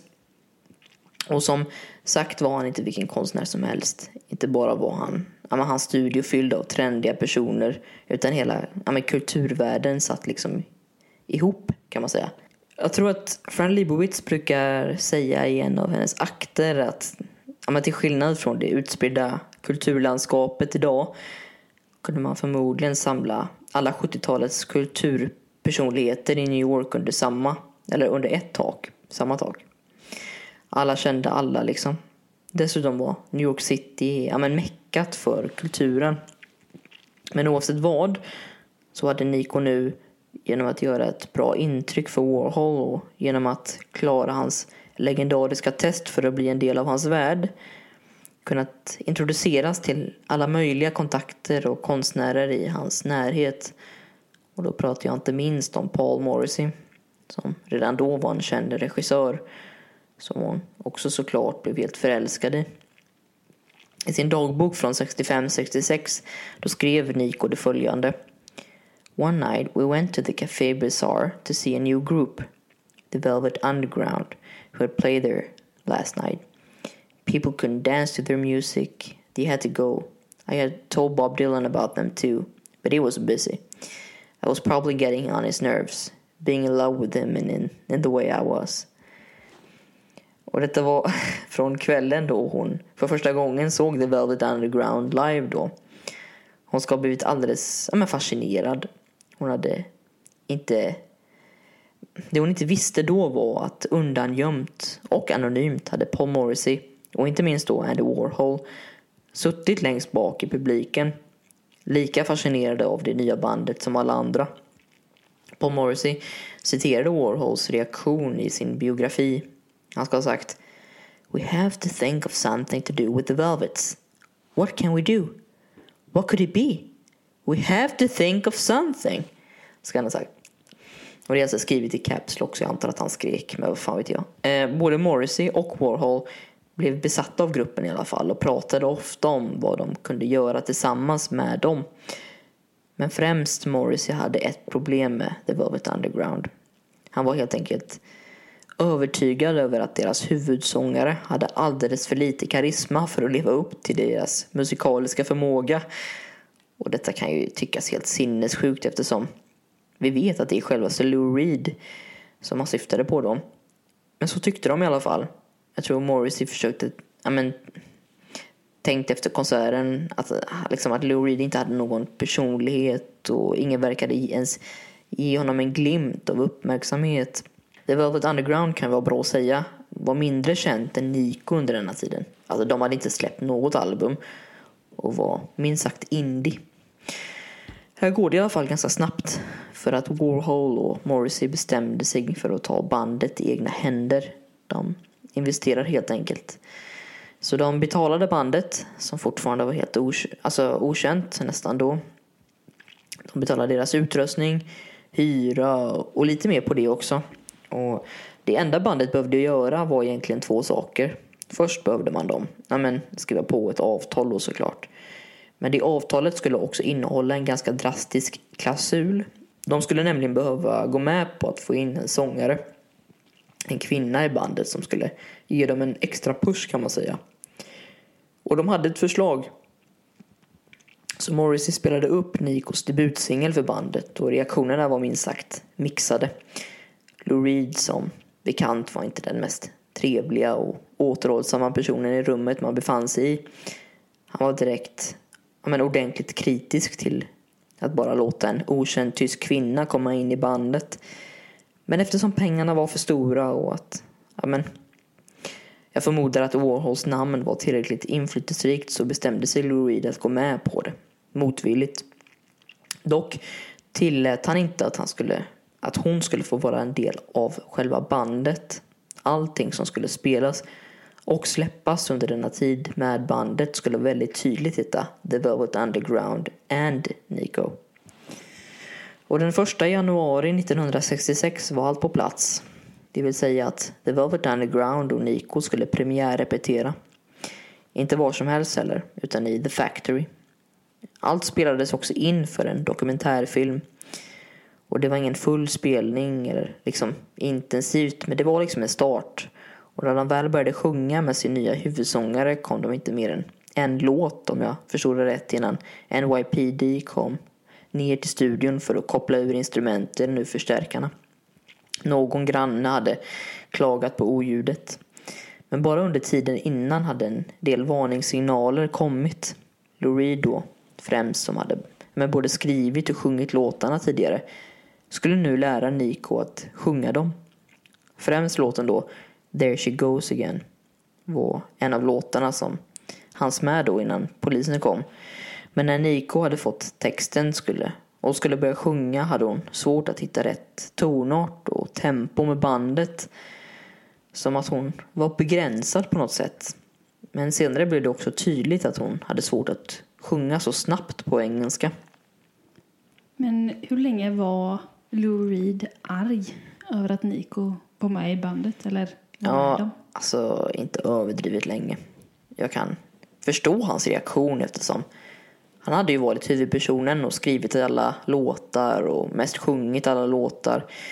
Jag tror att det var Morrissey som uttryckligen hade planen att göra Nico till bandets Mick Jagger. Medan Lou Reed då skulle bli den ändå klara tvåan. Alltså bandets Keith Richards. Men Lou Reed blev också ganska snabbt uppäten av Nikos personlighet. Han kunde helt enkelt inte motstå henne. Ja, men hennes både exotiska men också unika persona. Ganska snabbt eh, hade relationen övergått till något annat kan man säga. För när de flesta av medlemmarna i bandet, inklusive Lou Reed, flyttade in i en gemensam lägenhet i stan så var han nästan aldrig i lägenheten. Inte ens på natten. Lou, Lou Reed då tillbringade så mycket tid han kunde i Nikos lägenhet tillsammans med henne. Om detta var något positivt, det kan jag faktiskt inte avgöra. Det jag däremot vet är att de borde verkligen kom in i något intensivt drogstim. De, stå, men de ska ha tagit mer droger än någonsin tillsammans. Kanske var det en av men faktorerna till att Lou Reed under denna perioden skrev I'll be your mirror om Nico. En av bandets mest kända nu i efterhand. Men förhållandet var minst sagt kort. Likt många andra Aniko haft. De gjorde liksom slut framför bandet och vänner också. Två starka personligheter som under en kort period blev fiender. Detta är en av tillfällena då Niko också påståtts uttala sig antisemitiskt. Citat. I cannot, I cannot make love to Jews anymore. Slutcitat, ska hon ha sagt. Ja, men framför hela bandet om Lou Reed då. Men giggen kom in och bandet blev lite mer populärt. Men Andy Warhol insåg relativt snabbt att det var ett album som skulle kunna göra dem kända på riktigt. Han la ut lite av sina men, egna pengar och fick betala sin egen konst för att få andra investerare intresserade. Som sagt, Andy Warhol var ju enorm. Eh, sedan var ju inspelningarna igång på eh, Skepter Studios på Manhattan i mitten av april 1966. Lou Reed pratade i efterhand om hur viktig Warhol var i två avseenden under albumet egentligen. Det första var såklart att han betalade och gjorde allt möjligt liksom. Men det andra var då att han inte, kanske det viktigaste då, att han inte begränsade dem. Han ville att de men, ha, ha bandet lika råa som han hade hittat dem. Till skillnad från andra i branschen. Han sa till Lou Reed att se till att ha med exakt alla svordomar som han hade visat tidigare. Vilket han också gjorde.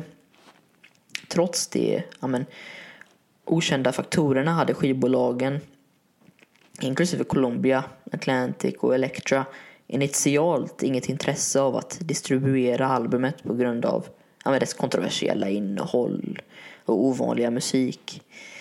Verve Records, som ägdes av MGM Records och med hjälp av producenten Tom Wilson blev dock ja, men den räddande ängen och accepterade inspelningarna till slut. Och vid utgivningen blev The Velvet Underground and Nico en kommersiell flopp. Och det mötte snabbt förbud från skivaffärer, radiostationer och tidskrifter. Musiken ansågs för järv och för kommersiell radio och det underground rockradiosändningarna var då i sin linda liksom. Och trots detta kom albumet in på Billboard-listorna i maj 1967. Men det försvann efter ett återkallande av Verve i juni på grund av en rättegång. Jag tror det var någon men, om baksidan på vinylen. Men efter fem månaders frånvaro återkom albumet till listorna och nådde sin högsta position i december 67. Brian Eno noterade senare, ironiskt, att även om albumet bara sålde omkring 30 000 exemplar de första fem åren ja, då inspirerade alla som köpte en kopia att starta ett band. Och faktiskt visade senare, men utredningar om man kan kalla det så, av försäljningarna att det möjligen sålde upp till 200 000 exemplar vid 71 ungefär. Om jag personligen ska ge min take på albumet så förstår jag varför Rolling Stone Magazine rankade så högt upp på bästa albumet någonsin. Nico var helt klart en avgörande del i det. Ja, I hela albumets framgång egentligen. Hennes råa, inte komplicerade stämma ja, men ligger ganska spöklikt över flera låtar. Min personliga favorit är förmodligen Femme Fatale. Fatale.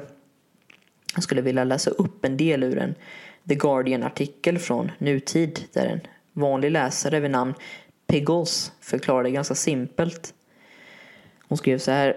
Some of it seems virtually unlistenable to me.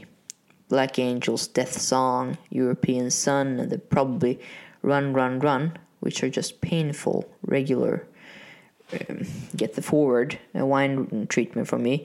But songs like Heroin, Waiting for the Man are just brilliant as songs and scene paintings, evoking just what I imagine it's like to be desperate for drugs.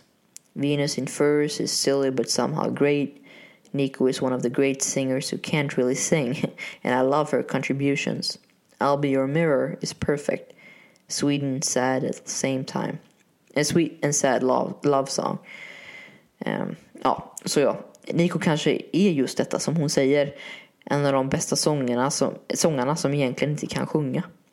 Men efter att albumet floppat och gjorde de men ett fåtal spelningar här och där. Man hade egentligen möjligheten att få fler spelningar med bandet. Men man hade liksom hamnat i kläm lite grann rent målgruppsmässigt.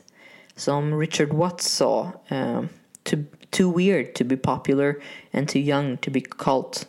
Och dessutom hade spelningarna också kommit att bli märkliga. Jag menar, eh, visste de, ja men de spelade kanske 9-10 låtar på ett gig. Men den mesta tiden stod bara Niko vid sidan om. Hon medverkade endast på ja, med två, tre stycken. Så hon fick bara sitta på en stol på scenen och lyssna. Om hon inte satt på stolen så gick hon runt på scenen lite förvirrat och nynnade med. Så man kan säga att det egentligen fanns två fundamentala anledningar till varför bandet kom att upphöra till slut. Den första är att ja, Lou Reed helt enkelt blev less på att men, han skulle skriva texterna och göra låtar som Nico sen bara skulle framföra som värsta stjärnan. Och den andra anledningen var egentligen att Lou Reed tyckte att det var ett problem att Nico inledde ett förhållande med John Cale, en annan medlem i gruppen. Och Lou Reed tyckte att med detta ja, men, oprofessionella uppförandet drog hon med all skit till bandet. Men detta är två saker. Små irritationer uppstod ofta. Alltså, kan tänka på en händelse när bandet skulle åka till Kanada för att spela då Nico i rädsla över att hon skulle behöva visa sin riktiga ålder med sina resehandlingar istället sket i att ta med passet. Vilket äventyrade hela gigget. Hur gammal var hon då? Eh, 28 gam år gammal tror jag. Aha. Jag skulle också vilja fråga eftersom det är en stor del av henne liksom. Mhm. Eh, Eftersom vi förra, i förra avsnittet pratade om sommaren av kärlek och droger under 60-talet. Ja, Summer of Love. Var det inte nu som Nikos missbruk eskalerade också?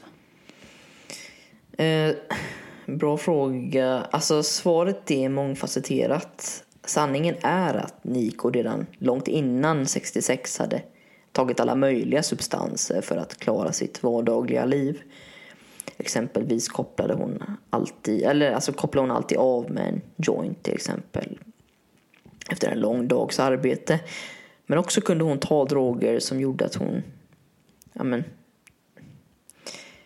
att hon sen dagen efter, kunde, efter, dagen efter kunde jobba i ett högt tempo, låt oss säga så. Det som förändrades under 1967, hippisarna år, eh, alltså Summer of Love, det var att hon började ta hallucin... hur säger man, Hallucin hallucinogena, så säger man. Ja. Väldigt svårt ord. Sådana droger, något som skulle få ganska stor, äh, stora effekter. Hon hade undvikit svampar och inte minst LSD förut. Men nu skulle det liksom ändras. Jaha. Jo men okej. Eh, men eh, så hon var alltså en hippie. Karin, jag trodde du kände Nico lite bättre vid det här laget. Nej, det kan man verkligen inte säga. Alltså, först och främst var hon ju en del av New York-etablissemanget. Eller i alla fall kulturen. Den kultur som inte, om inte föraktade, i alla fall såg snett på Kaliforniens flower power-kultur på andra sidan planet, landet, inte planeten. Eh, Kalifornien sågs på som de pretentiösa tonåringarna, alltså Beach Boys och marijuana. I alla fall hade nu, medan hennes eskalerande droganvändning, fått tillbaka sin son på heltid.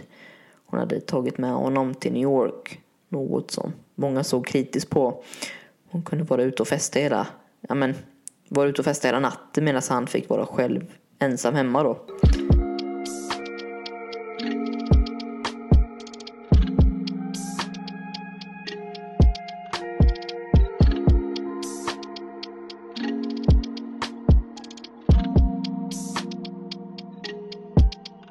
Det fanns en legendarisk nattklubb i The East Village under 60-talet som hette Electric Circus. Eller även kallat för The Dam.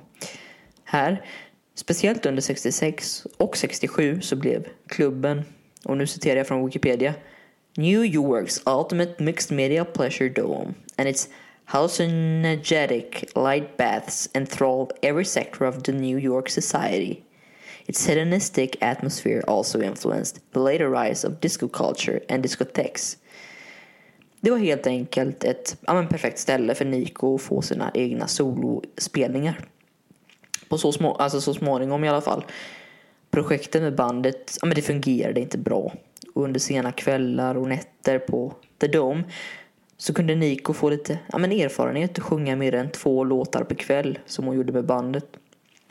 Hon fick också inte bara chansen att träffa men också spela med några ja, kända och inflytelserika artister såsom Tim Harding, Tim Buckley, Jack Elliott som ni kanske minns från Bob Dylan-avsnittet och så vidare.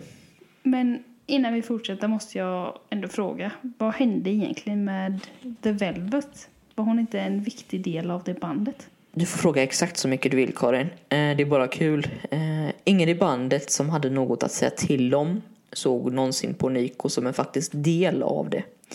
Ingen trodde heller att det skulle komma att bli permanent. Det betyder inte att de ogillade henne. Men det var bara så att ja, men det var bara så det var helt enkelt. Hennes deltagande brukar ofta pratas om som ja, men en liten krydda. Något som inte ens Nico ville vara en del av. Jag tror att hon själv i en intervju pratar om hur detta var en roll. På samma sätt som alla andra av hennes filmroller exempelvis. Ehm, det kan man komma ihåg tycker jag, eller ta med sig är att Nico visst hade en påverkan på bandet och blev en viktig del av att sätta en ton, en debut. Men det fanns aldrig någon chans att Lou Reed skulle låta henne vara ansiktet utåt istället för honom själv. I alla fall, efter några månader som soloartist kände sig till slut Morrissey som blev hennes manager att det var dags att hon var redo att göra ja, men något eget. En soloplatta. Mest för, hon, men för att hon hade lyckats bygga upp en ja, men någorlunda stor repertoar. Och då menar jag inte att hon hade skrivit egna låtar. Så mycket hade hon inte självförtroende att göra. Nico tänkte inte ens tanken att hon skulle kunna skriva själv. Nej, majoriteten av låtarna på hennes nästkommande album skulle vara skrivna av det band som hon precis lämnat, The Velvet Underground. Alla utom Lou Reed nästan hjälpte liksom till och skrev låtar. Bland annat då John Cale, Sterling Morrison, Jackson Brownie. Den sista, Brownie, eh, var inte med i The Velvet Underground men han hade en helt annan bakgrund egentligen. Han skrev en av låtarna på albumet, kanske också den mest populära idag, These Days. Och det gjorde han redan som 16-åring, sjukt nog. Men för att men för ett debutalbum kan nog inte men man kan liksom inte klaga på att låtskrivarna för låtarna var vilka de var. Bob Dylan inte minst. Hennes debutalbum var också likt Dylan i den mån att hon satt i en studio med bara en gitarrist. Visserligen olika gitarrister varje låt men ändå bara två personer. Tom Wilson producerade också albumet och trots att hon var tämligen oseriös under inspelningarna hade hon fått ett gott rykte. Han eh, var nämligen producent till Like a Rolling Stone men inspelningen av albumet gick väldigt fort. En låt kunde spelas in under en dag och sedan mixas under den nästkommande två. Och så fort gick tempot liksom. Men om vi ska stanna vid albumet en sekund, för det finns såklart en låt som alla känner till, kanske bäst då. En av låtarna som fick mig att göra detta avsnittet. En låt som många som har hört kanske inte ens vet att det är Nikos låt. Jag pratar såklart om These Days, den låt som jag sa innan. Jackson Brown skrev som 16-åring och gav till Nico. Jag skulle vilja citera en del från The New Yorker eh, som pratar om låten och dess betydelse i sin artikel från 2022 som heter The Misunderstood Voice of Nico. Citat. Few songs so beautifully misrepresent the singer as these days. The clarity of Brownie's finger-picking guitar lines and the delicacy of Nico's languor is rendered just alien enough by her vocals a more tuneful version of the stentorian drawl she used to with the Velvets. Please don't confront me with my failures. I had not forgotten them, she sings. Don't confront me with my failures. I had not forgotten them. Who, who says that when they're 16? It's like you came out of the womb just this mature presence. Do you remember writing that song and feeling like you had something sort of unique at that I, point? I wrote a lot of songs in those those days, but um, you know, I was completely immersed in the the songs of the Beatles and Bob Dylan. If I look back in my mind at the room I wrote that song in, I also look at the, the records I was playing. I mean, I wrote that song at the same time Bob Dylan put it, It's All Right, Ma, I'm Only Bleeding. I mean, it, to me, it was not a heavy song or it was particularly revelatory. It was not, I mean, it was just telling the, my truth, the truth of my, my life in the same way that I hoped that you know, there's two there's two sort of arcs. There's the arc, arc of your development as an artist, and there's the arc of your life as a person. And what what can you write about when you're 16? You know. right. These Days är en otrolig låt. Vill ni ha en annan rekommendation skulle jag säga att Chelsea Girls, ja men låten Chelsea Girls på albumet eh, innehåller visserligen flöjt, vilket Nico avskydde att de la på, men den är i alla fall riktigt bra. Det finns en, en rolig anekdot efter inspelningen av albumet som inte riktigt har något med det att göra egentligen, men ändå. Nico hade några ärenden i Europa, bland annat eh, Cannesfestivalen, filmfestivalen där, för en Warhol-film. Jag tror att det var, den också hette Chelsea Girl. Men också en medicinsk, medicinsk sak. Hon hade fel på hörseln på ena örat. Men hon stannade i alla fall i London för att mellanlanda och behövde någonstans att bo. Då fick hon en möjlighet att bo hos Paul McCartney. Den man som precis blivit klar med sitt egna lilla album. Sgt. Pepper's Lonely Hearts Club Band. Men det hade inte kommit ut officiellt än. Dock hade Nico genom sina kontakter fått chansen att höra albumet på en efterfest sent i Amerika. Och berättade ärligt för Paul hemma hos honom att hon verkligen tyckte att det var intressant. Vissa låtar var mindre bra, men en av hennes favoritlåtar var i alla fall A Day in a Life. I alla fall innan den töntiga poplåten kom in och förstörde allt. Paul visste inte vad han skulle säga. Det var ju trots allt så att Lennon skrev hennes favoritdel och Paul skrev den citat töntiga popdelen. Och Nico skämdes när hon förstod detta, men det var liksom för sent. Hon hade redan sagt det till Paul. Det var inte det enda pinsamma delen i hennes vistelse. Hon stannade också alldeles för länge. Hon verkar ha blivit ja, men väldigt bekväm och stannat flera veckor längre än förväntat. Trots att Paul och inte minst Linda var vänliga nog att ha kvar henne. Ja, men så blev de nog ändå lättade när Warhol och Morrissey kom och hämtade henne till slut. Så. Du, kan inte du berätta den eh, Jim Morrison-anekdoten som du berättade för mig innan? Jo, eh, det kan nog 50% av våra lyssnare också för det är liksom musikhistoria. Jag, jag kan inte berätta den bra, men jag har ett vagt minne av den. Det är liksom det är visserligen mystiskt, men det är sommaren runt 69-70 och Jim Morrison hade tagit med Nico till ett slott. De hade ju ett slott som residens där och atmosfären var ganska laddad. Inte bara av nakenhet, för de gick runt nakna, men också syra, alkohol och inte minst hash. Och en dag tar Jim Nico med sig upp i tornet av slottet. Där, liksom högt över marken, på en tunn parapet blev det ja, men lite svängigt. Jim kliver först upp på parapeten och tittar liksom ner mot marken. Det är långt till marken dessutom.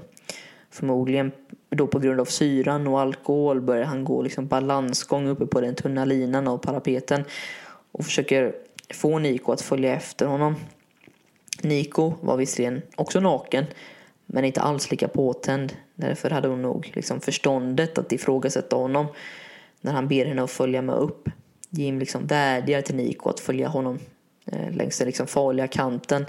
Men hon vägrar.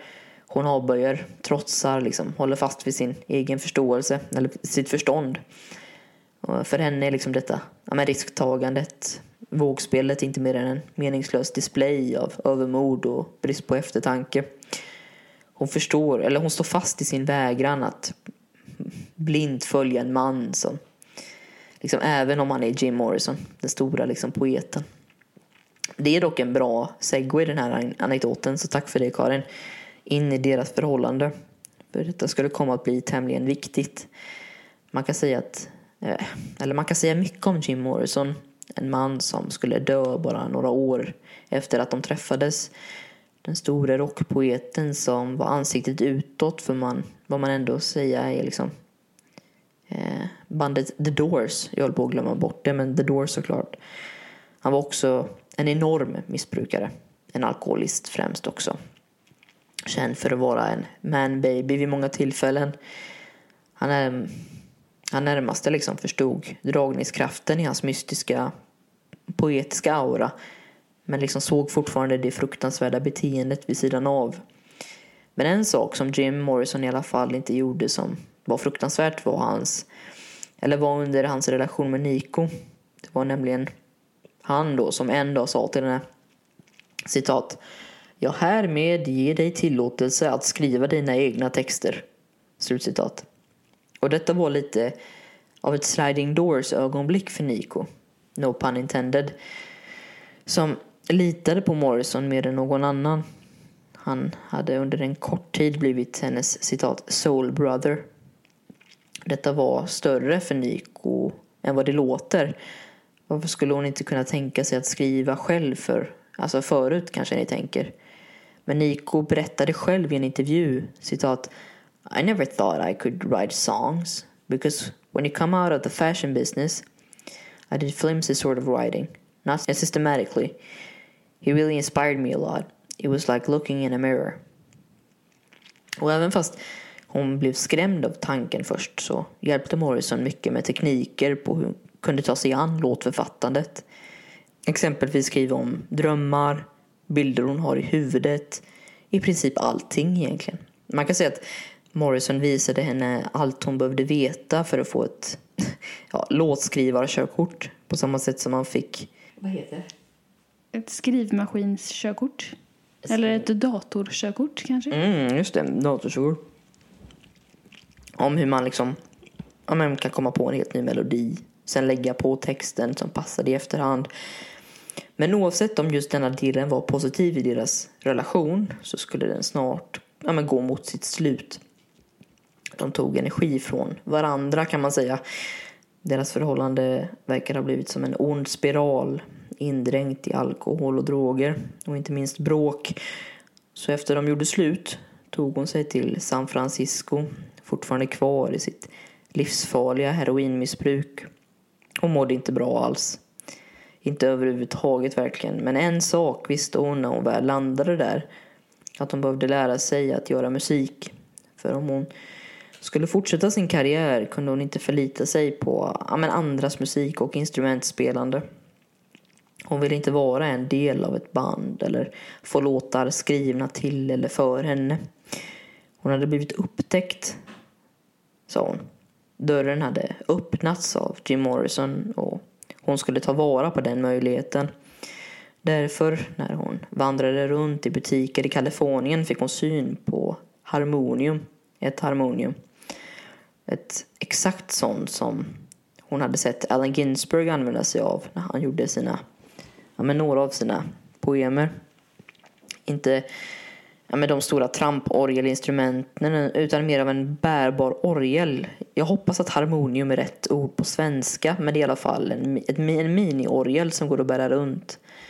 Man kunde bära med, den, äh, med sig den överallt egentligen. Väl senare i Kalifornien ägnade hon mycket tid åt att lära sig spela instrumentet någorlunda bra. Hon utvecklades också i, med sin egen stil där. Och trots att spelandet var simpelt passade det bra med hennes röst. Hon hade hittat sitt eget instrument kan man säga. Ett instrument hon tyckte lät som vinden, sa hon.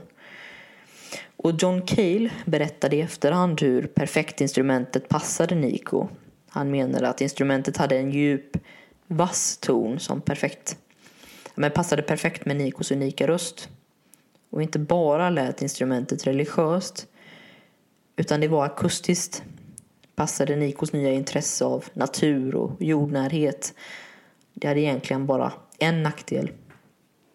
Instrumentet var ett helvete för ljudteknikerna vid framträdanden.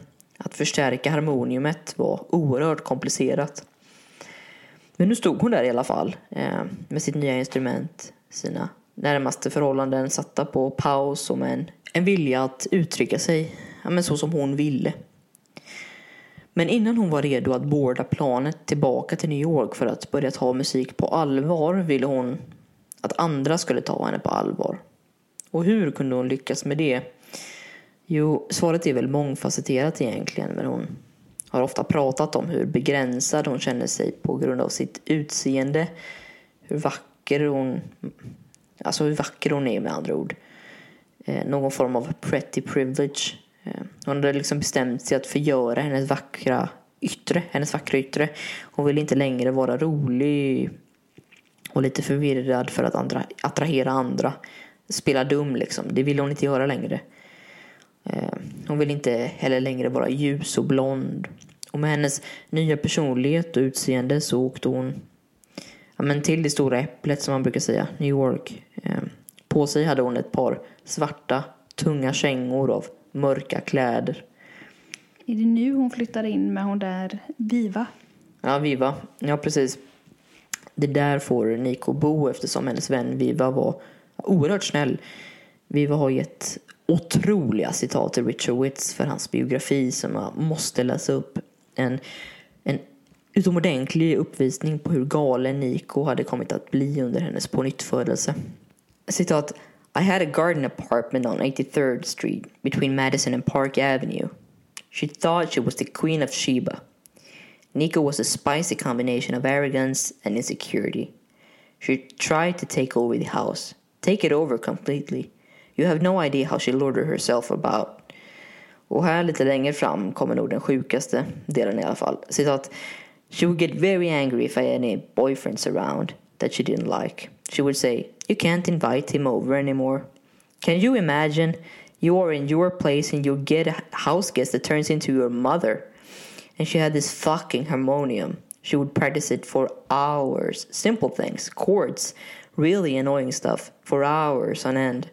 She was very serious about it, dreadfully serious, like a Nazi organist. And she'd pull the curtains across the light candles around her and do this funeral singing all day long. It was like I was living in a funeral parlor. Sen nästa steg var att få hjälp egentligen. Någon som kunde hjälpa att strukturera och fixa låtarna eftersom ja, men Nico var en perfektionist.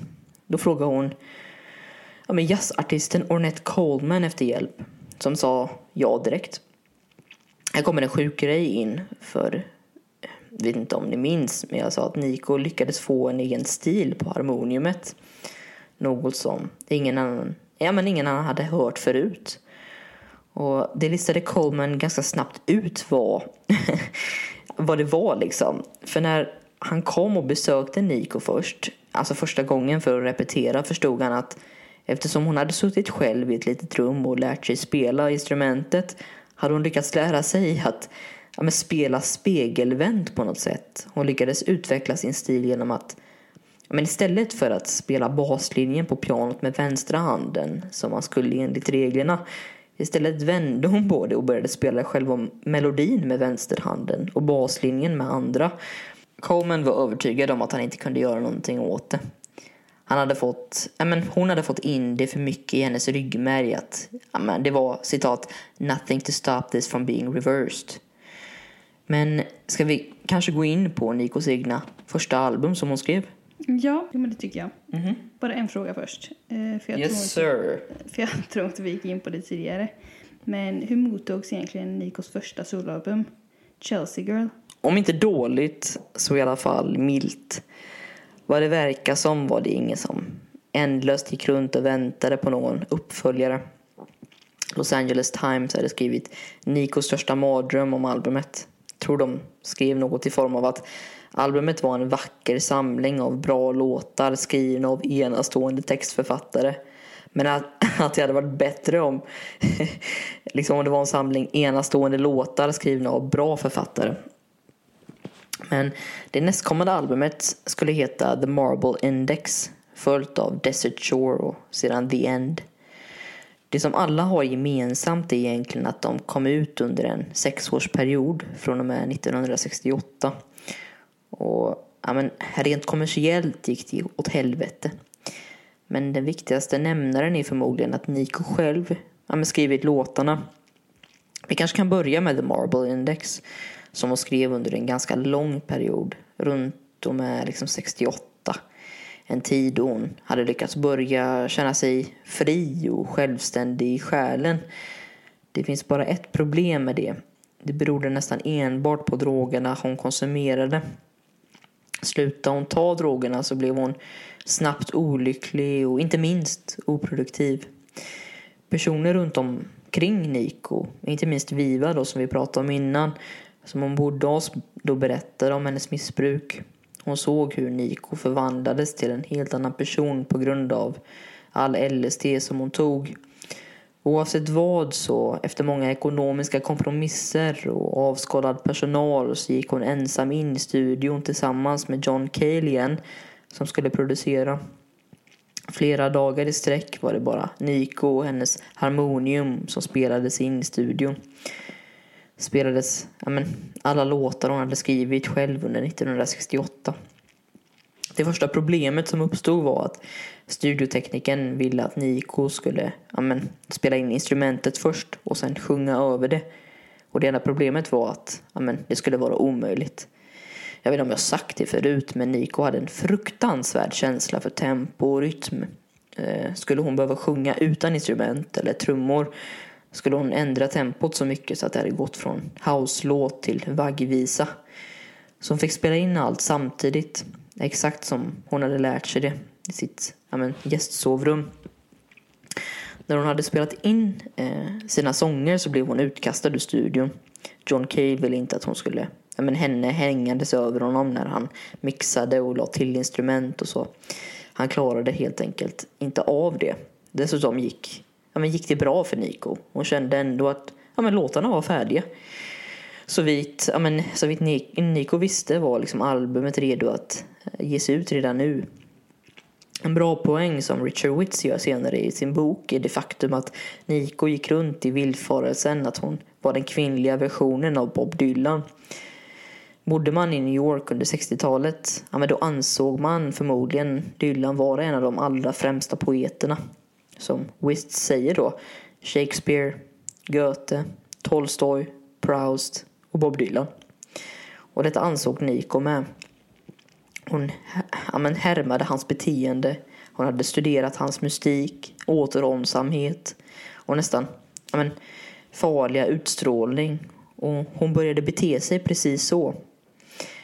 Det som gjorde Nico lite blottad då var förstås att trots att Nico är bra och inte alltså om inte utmärkt låtskrivare så var hon trots allt inte Bob Dylan. Detta gjorde henne bara, ja, men som jag sa, lite pinsam att observera. Alltså jag kan ha fel, men hon sa själv att med de nya låtarna kom från hennes, eh, jag vet inte, ryska själ, sa hon. Något hon inte menade faktiskt utan mer teoretiskt då. Vad det nu ska betyda. Väldigt diffust egentligen men det skulle inte dröja länge i alla fall innan albumet var klart.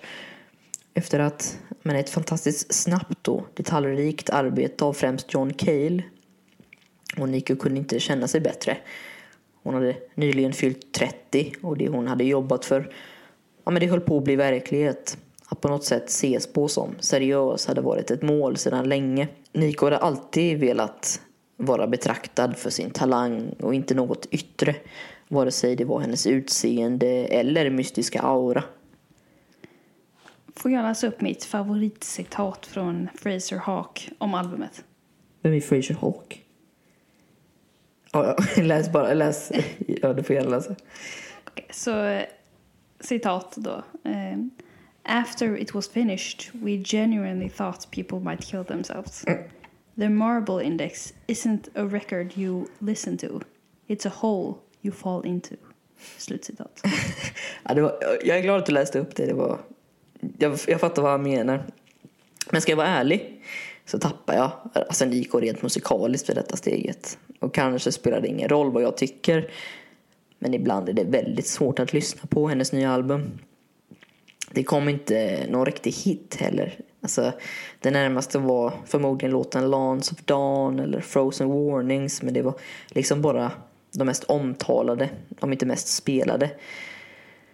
Det sorgliga med Nico var att när albumet väl nådde hyllorna i hela USA hade hon, alltså, hon hade världsfrånvända förväntningar kan man säga. Hon trodde som jag sa innan att hela världen nu skulle få höra den nya kvinnliga Bob Dylan med rysk själ. Liksom.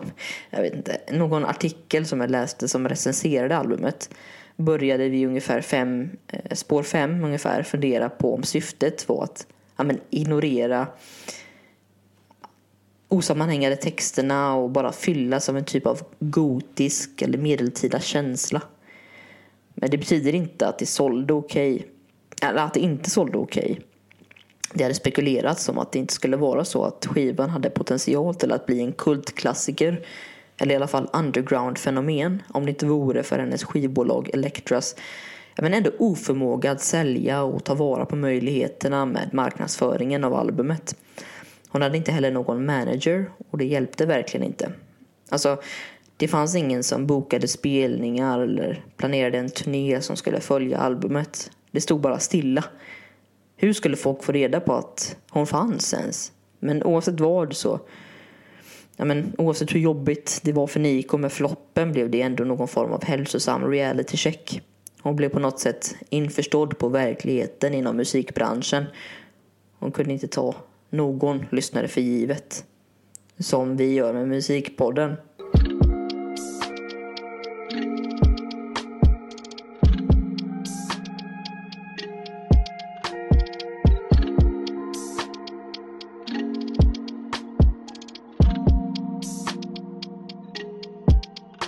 Den 3 juli 1969 påträffades kroppen av Brian Jones, Nikos före detta älskare, i en swimmingpool i England. Proppfylld av alla möjliga droger och preparat. Och trots att Jones förmodligen avled på grund av ett konstant och påtagligt missbruk under hela sitt vuxna liv så blev ändå hela musikvärlden, inklusive Nico, chockade av nyheten. Det var såklart en tragedi oavsett. Brian Jones hade bara några veckor innan blivit utkastad ur bandet på grund av hans beteende och opolitlighet. Men trots begravningen och Nikos sorg så blev jag allting som vanligt igen efter några veckor. Nico hade ju inte haft ja, men så bra kontakt med Jones de senaste åren. Ganska snabbt därefter verkade det också som att hon blev lite mer medveten om hur kort livet var, eller är. För hon berättar själv om hur hon inte kunde slösa bort mer tid. Hon åkte till New York och tog in på det legendariska Chelsea Hotel igen för att både få inspiration men också skriva. Hon spenderade också ändlösa timmar genom att sitta och sticka svarta kläder in i en studio tillsammans med John Cale. Ja, det var tydligen inte att slösa bort tid enligt henne, jag vet inte. Men hon skulle inte få vila från döden länge. Eh, bara några månader efter, i februari 1970, då avlider också Grete, hennes kära mor. 60 år gammal blev hon. En begravningsceremoni skulle följa i Berlin men Niko vägrade först att komma dit. Trots att hon delvis betalade för själva begravningen. Det var helt enkelt för jobbigt. Men enligt vissa källor kom hon till slut ändå. Eh, det är lite oklart. Eh, en sak som är klar är dock att hon berättade för Helma, alltså hennes moster, att om hon skulle besöka hennes mors grav skulle hon aldrig komma därifrån. Bortgången verkar ha tagit henne hårt såklart. Detta trots att hon verkar, eller att det verkade utifrån som att hon hade slutat bry sig. Jag menar, ända sedan Greta hade blivit diagnostiserad med, som mentalsjuk och dessutom med Parkinson hade Nico nästan inte hört av sig, slutat hälsa på. Men kanske var skulden över det just vad som gjorde bortgången svårare. Eh, sången Mutterline skrev hon senare om sin mor. En låt helt på tyska. Vilket för övrigt är en bra segway till hennes nästa album som hon släppte vid, vid namn Desert Shore då. För nästa album skulle komma att bli en av mina favoriter. Inte på grund av det monotona och ibland lite tråkiga ljudet eller den musikaliska delen. Utan istället för att det var så verkligt. Allt hon hade gått igenom lyste starkt på albumet. Inte minst bortgången av två nära personer. Alla låtar är väldigt självbiografiska och är roa i sina känslor. Ännu en gång så spelar hon ser på sitt nya favoritinstrument då som nu hade blivit en del av hennes persona. Dessutom började hon få en lite större publik. Afraid eh, of the, um, och Janitor of, eh, Janitor of Lunacy blev faktiskt lite av hits i den undre musikvärlden. Eller ja, rättare sagt indievärlden. New York främst. Och några av mina favoritrader från Janitor of Lunacy, de går så här. Janitor of Tyranny, Testify my vanity, Mortalize my memory, Deceive the devil's deed, Tolerate my jealousy, Recognize the desperate need. Men albumet skapades också under en tid av enormt ökande missbruk. Visst, hon hade träffat en ny man som inte tog så mycket droger vid namn Philippe Garel som var en fransk regissör som också gjorde filmer mm, alltså under denna tiden.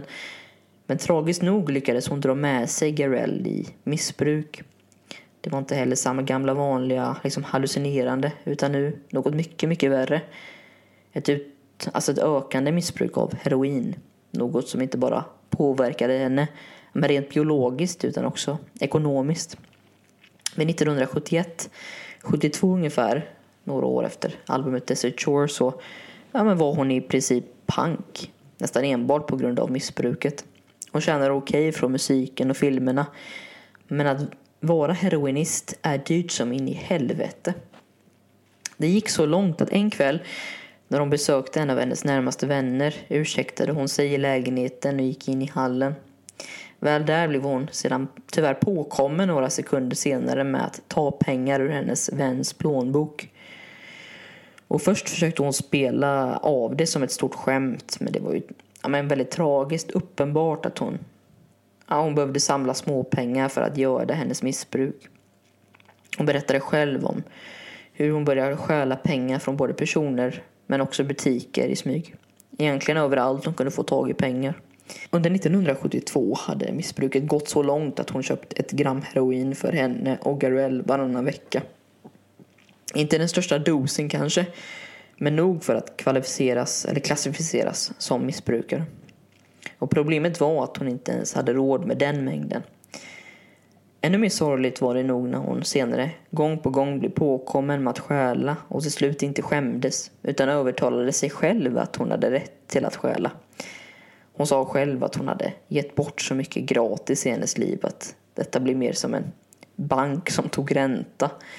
Hon jämnade ut sin karma. Hon började också stjäla som en, ja, men som en missbrukare till slut. Som att hon ville bli påkommen.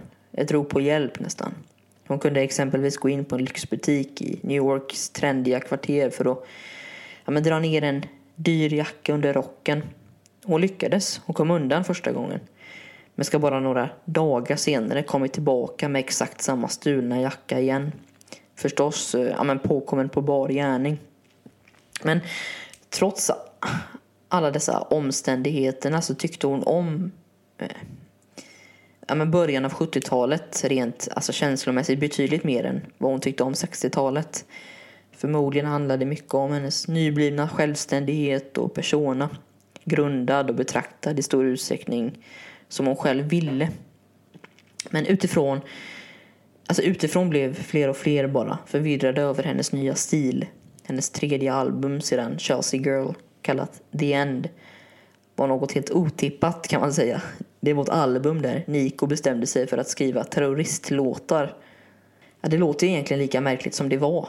Eh, det var nämligen så att Nico ja, kände anarkisten och kommunisten, kommunistterroristen egentligen, Andreas Bader, som hade blivit dömd efter att ha sprängt ett varuhus i Berlin.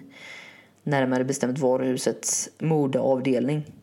Detta råkade också vara den avdelning just på KDV som Nico för mycket, mycket länge sedan hade blivit upptäckt på. Varför bombade Bader butiken? Jag tror det var liksom i protest mot Vietnamkrigen, eh, Vietnamkriget. Sedan flydde han ifrån Tyskland till Paris där ingen mindre än Nico gömde honom undan från myndigheten, eller myndigheterna. Och varför, kanske ni undrar? Jo, alltså hon make inte supermycket sens men jo, eh, Nico tyckte nämligen att ökandet av, om jag nu tolkar detta rätt, urbana grillor var det bästa som kunde hända.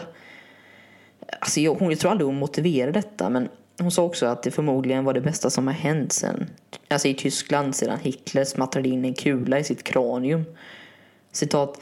If I were not Nico, I would be a terrorist. Slutcitat.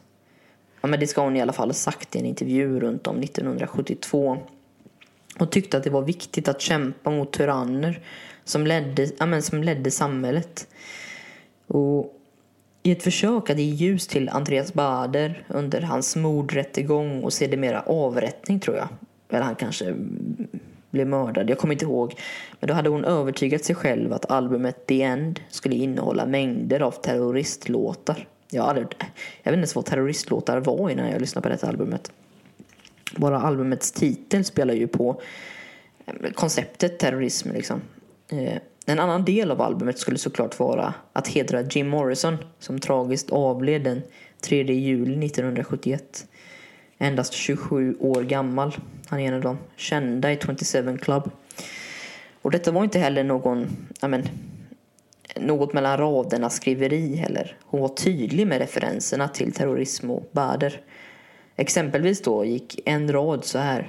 Very proud and very poor. I'm waiting at your prison door. Och så vidare och så vidare. Alltså det låter ju som att hon har gått lite väl bananas nu med alla droger. Ja, lite så. Låten Das Lied der Deutschen översatt till eh, sången om det tyska folket var också ganska sjuk egentligen. Hennes absolut mest kontroversiella låt i alla fall. En låt som länge sågs på som nästan naziflörtande. Hon inledde den alltid på konserter med, dem, med de förbjudna orden. Jag vet inte om jag kommer bli cancelled här men Deutschland, Deutschland, über alles, über alles in der Welt. Alltså Tyskland, Tyskland, över alla andra, över alla andra i världen. Alltså de orden som varit förbjudna sedan Hitler och det tusenåriga rikets fall. Och detta gjorde hon för att provocera mer än något annat. Även fast hon hade rätt när hon sa att det kom från, eh, jag tror det är Otto von Bismarck va? Eller i alla fall från 20-talets Tyskland och inte från Hitler. Men det kan man ju, liksom alla nazisymboler som stals kan man ju inte hålla på och argumentera så, det är bara löjligt. Men sen resten av 70-talet var och utspelade sig liksom i en dimma av droger och turnerande. Eh, vissa fans till Nico tycker att detta är det mest intressanta. Jag tycker det inte. Men hon turnerade mest i Centraleuropa i alla fall. Eh, Nico älskade att spela i Berlin men också älskade att spela i Amsterdam. Hennes heroinmissbruk blev inte bättre heller. Eh, efter albumet The End kan man säga också att hennes ja, men kreativa förmåga delvis försämrades. I alla fall subjektivt enligt mig. I slutet av 70-talet hade det till och med gått så långt med drogerna att hon kontemplerade självmord. Men enligt henne henne själv var hon för lat för det. Och ja, hon tog nu heroin dagligen. 1978 blev hon räddad från ekonomisk kris av ingen mindre än Patti Smith. När Nico var i Paris och skulle spela blev hennes harmonium stulet och hon kunde därför inte uppträda.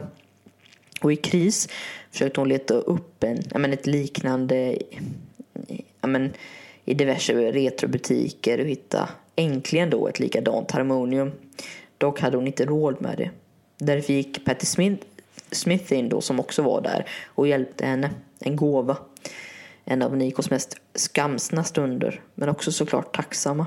Men skammen av att inte ha pengar låg som ett tyngdtäcke över Niko. Hon var ständigt deprimerad. Gick runt i mörka rockar och indraget ansikte. Gick också runt och lånade pengar av personer i hennes närhet. Hon erbjöd hennes pass i byte mot ett gram heroin. Ja, ni fattar. Hon skrev också brev till hennes son Ari att nu var det dags. Hon skulle ta sitt liv. Vilket måste varit fruktansvärt för Ari att ta emot. Men såklart så var hon ännu en gång för lat för att göra det. Enligt henne själv får jag ändå förtydliga igen. 1981 flyttade Nico till Manchester. Och en av de främsta anledningarna till det var att heroin var billigt där. Och jag vill inte ta ifrån henne hennes senare verk genom att fokusera på hennes missbruk. Men det påverkar allt hon gör. Hur hon lever, vart hon lever, vart hon spelar, hur hon spelar. Inte minst då hur hon spelar. Jag vet att jag lyssnade på någon podcast från Sveriges Radio tror jag.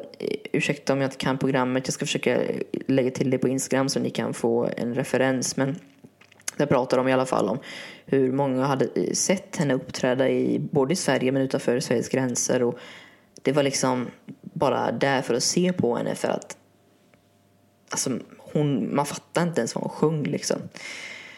Eh, i alla fall, alltså hon håller på att råka väldigt illa ut och redan vid början av 80-talet blivit behandlad på sjukhus för många sjukdomar som uppenbart var en konsekvens av hårt alltså drogmissbruk. En annan anledning till att hon flyttade till Manchester var också på grund av att stadens byggnader liknade dem i Berlin från hennes barndom. Men ett problem hon handskades med under denna tiden var ett oerhört påfrestande turnéschema Kalendern var välfylld för att klara av utgifter som heroinet tillförde. Från en artikel i The New Yorker läste jag att Nico gjorde 1200, alltså 1200 konserter åren mellan 82 och 88. Det är väl typ en konsert varannan dag. Jag har ett typiskt schema här framför mig som jag skrev ut eh, från turnén. Och då kunde det liksom se ut som följande då. Eh, 30 november, Zürich. 1 december, Basel. 3 Genève. 4, 4 eh, Turin. 5 Milano. 7 Nuremberg. 8 Saarbrücken. 9 Stuttgart. 10 München. 11 Frankfurt. 12 Düsseldorf. Trettonde, Hamburg. Fjortonde, Hannover. Femtonde, Berlin. Sjuttonde, Utrecht. Artonde, Tilburg. Nittonde, Harlem. Så att det var liksom varje dag under korta intensiva perioder med mycket resande när hon var i detta ständiga missbruket. Och detta, gjorde, detta gjorde hon möjligt egentligen genom att resa lätt och äga få saker. Enligt samma artikel ska hon bara ägt ett par motorcykelkängor, några böcker, en läderpåse och drogverktyg. Typ eh, alltså sprutor och sånt. En rolig grej jag läste någonstans också var att hon avskydde många som hon spelade med tror hon gjorde en dagboksanteckning där det stod eh, nu parafraserar jag, men ser inte han Eric Ransom väldigt bra ut? Men om vi ska vara helt ärliga så kan han nog inte spela. Ja, men när de 1200 konserterna Eh, var gjorda och året var 1988 och det inte hade börjat snöa, får jag ändå förtydliga, så hade hon faktiskt lyckats göra sig fri från heroin genom metadon. Något som gjorde henne delvis bättre, i alla fall utifrån. Och senare under sommaren 88 så hade Nico flugit med hennes son Ari till Ibiza. En av Nikos favoritplatser på jordklotet. En av de platserna som gjorde henne lycklig. Hon hyrde en liten stuga på toppen av en kulle där de kunde bo i lugn och ro. Hon var 49 år och hade funnit lite lugn, äntligen. För att lugna ner sig lite hade hon bestämt sig för att cykla in till stan för att handla lite marijuana. Något som hon ofta gjorde för att koppla av. Så det var vad hon sa till Ari helt enkelt. Det var 35 grader varmt därför tog hon noga på sig sin mörka scarf runt huvudet för att kyla ner huvudet. Gjorde sig i ordning och sedan tog hon, ja, men tog hon sig ner för kullen in mot Ibizas centrum. Några långa minuter senare åkte en lokal taxichaufför runt i sin bil. Han var mitt uppe i en körning med en passagerare i baksätet. Det var då han fick syn på en cykel. Full av damm och smuts. Med hjulen vikta. Som att den hade stannat väldigt hastigt i högt tempo. Han steg ur bilen och tittade sig runt. Och längst vägkanten låg en oidentifierbar kvinna. Helt still, till synes död. Han skyndade sig fram och ja, men sökte, eh, ringde efter sjukvård tror jag. Och sanningen var att hon var vid liv och stundtals alert i huvudet. Men kroppen svarade svagt. Hon kunde inte få ur sig något. Därför hördes inget när hon försökte att demonstrera mot valet av sjukhus. Men hon kom in och blev av en sjuksköterska diagnostiserad med allvarlig solsting. Kanske inte låter så farligt men dagen efter när läkaren fick, se no ja, men fick titta till henne visade sig vara en hjärnblödning. Men livet kunde gå att rädda. Det tänkte doktorn i alla fall. Det skulle bara vara att injicera de rätta medicinerna intravenöst. Men tiden var Nikos värsta fiende och Krista Pefken som överlevt depressionen, kriget och de, ja, men det tusenåriga riket avled på grund av bristen av vener i armen klockan åtta på morgonen den 18 juli 1988. Jag vill inte summera hennes karaktär, gärningar, åsikter eller låtar. Det har jag gjort i löpet av denna podcasten. Jag skulle dock vilja påstå att Nico aldrig riktigt fick den uppmärksamhet hon förtjänade. Om jag skulle gissa så hade de flesta av er en, som satte på avsnittet idag inte så bra koll på henne mer än att det var på ett Underground och kanske These Days. Men mer tror jag att... Men, men mer tror jag faktiskt inte att de flesta vet liksom generellt. Speciellt inte de födda efter hennes död. Hon blev ofta förbisedd, inte minst för hennes kön. Som Niko levde är sannolikheten att hon hade blivit ja, men romantiserad som en, ett missbrukande geni större, större eller mer om hon hade varit en man. Det är jag övertygad om personligen. Men jag tänker avsluta avsnittet med att läsa Bickerdags epilog till hennes fantastiska biografi om Niko. eftersom den säger mycket på ganska få ord. Och innan jag läser och avslutar detta avsnittet är jag på riktigt ledsen att jag inte kan sätta på Nikos sena version av My Funny Valentine sjungen i samma tonart som Chet Bakers. Hade jag haft rättigheterna här hade jag alltså det varit den perfekta utgångslåten, outrot. Som jag kunde få be er alla att när jag har läst upp epilogen ta då och sätt på Spotify Sök Nico och sedan My Funny Valentine och tänk på denna oerhört unika kvinnans livsöde. För det är faktiskt värt att uppmärksamma. Detta är från sidan 393 ur Nico You are beautiful and you are not alone.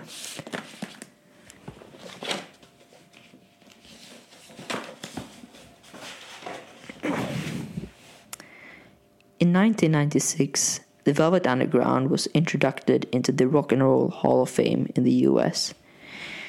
Nico was not included. Not everyone bought their album, but everyone who did started a band, proclaims the website. It goes on to say the Velvet Underground was literal, literacy but down to earth, schooled in both highbrow culture and the streets. They wrote about life as they saw it, drugs and all but they saw a beauty in bleakness, just like during her time with the group.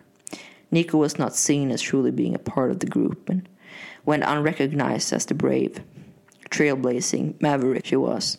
Although all of her former bandmates, Lou Reed, John Cale, Maureen Tucker, Morris- Sterling Morrison, received the accolade, her absence was a glaring omission.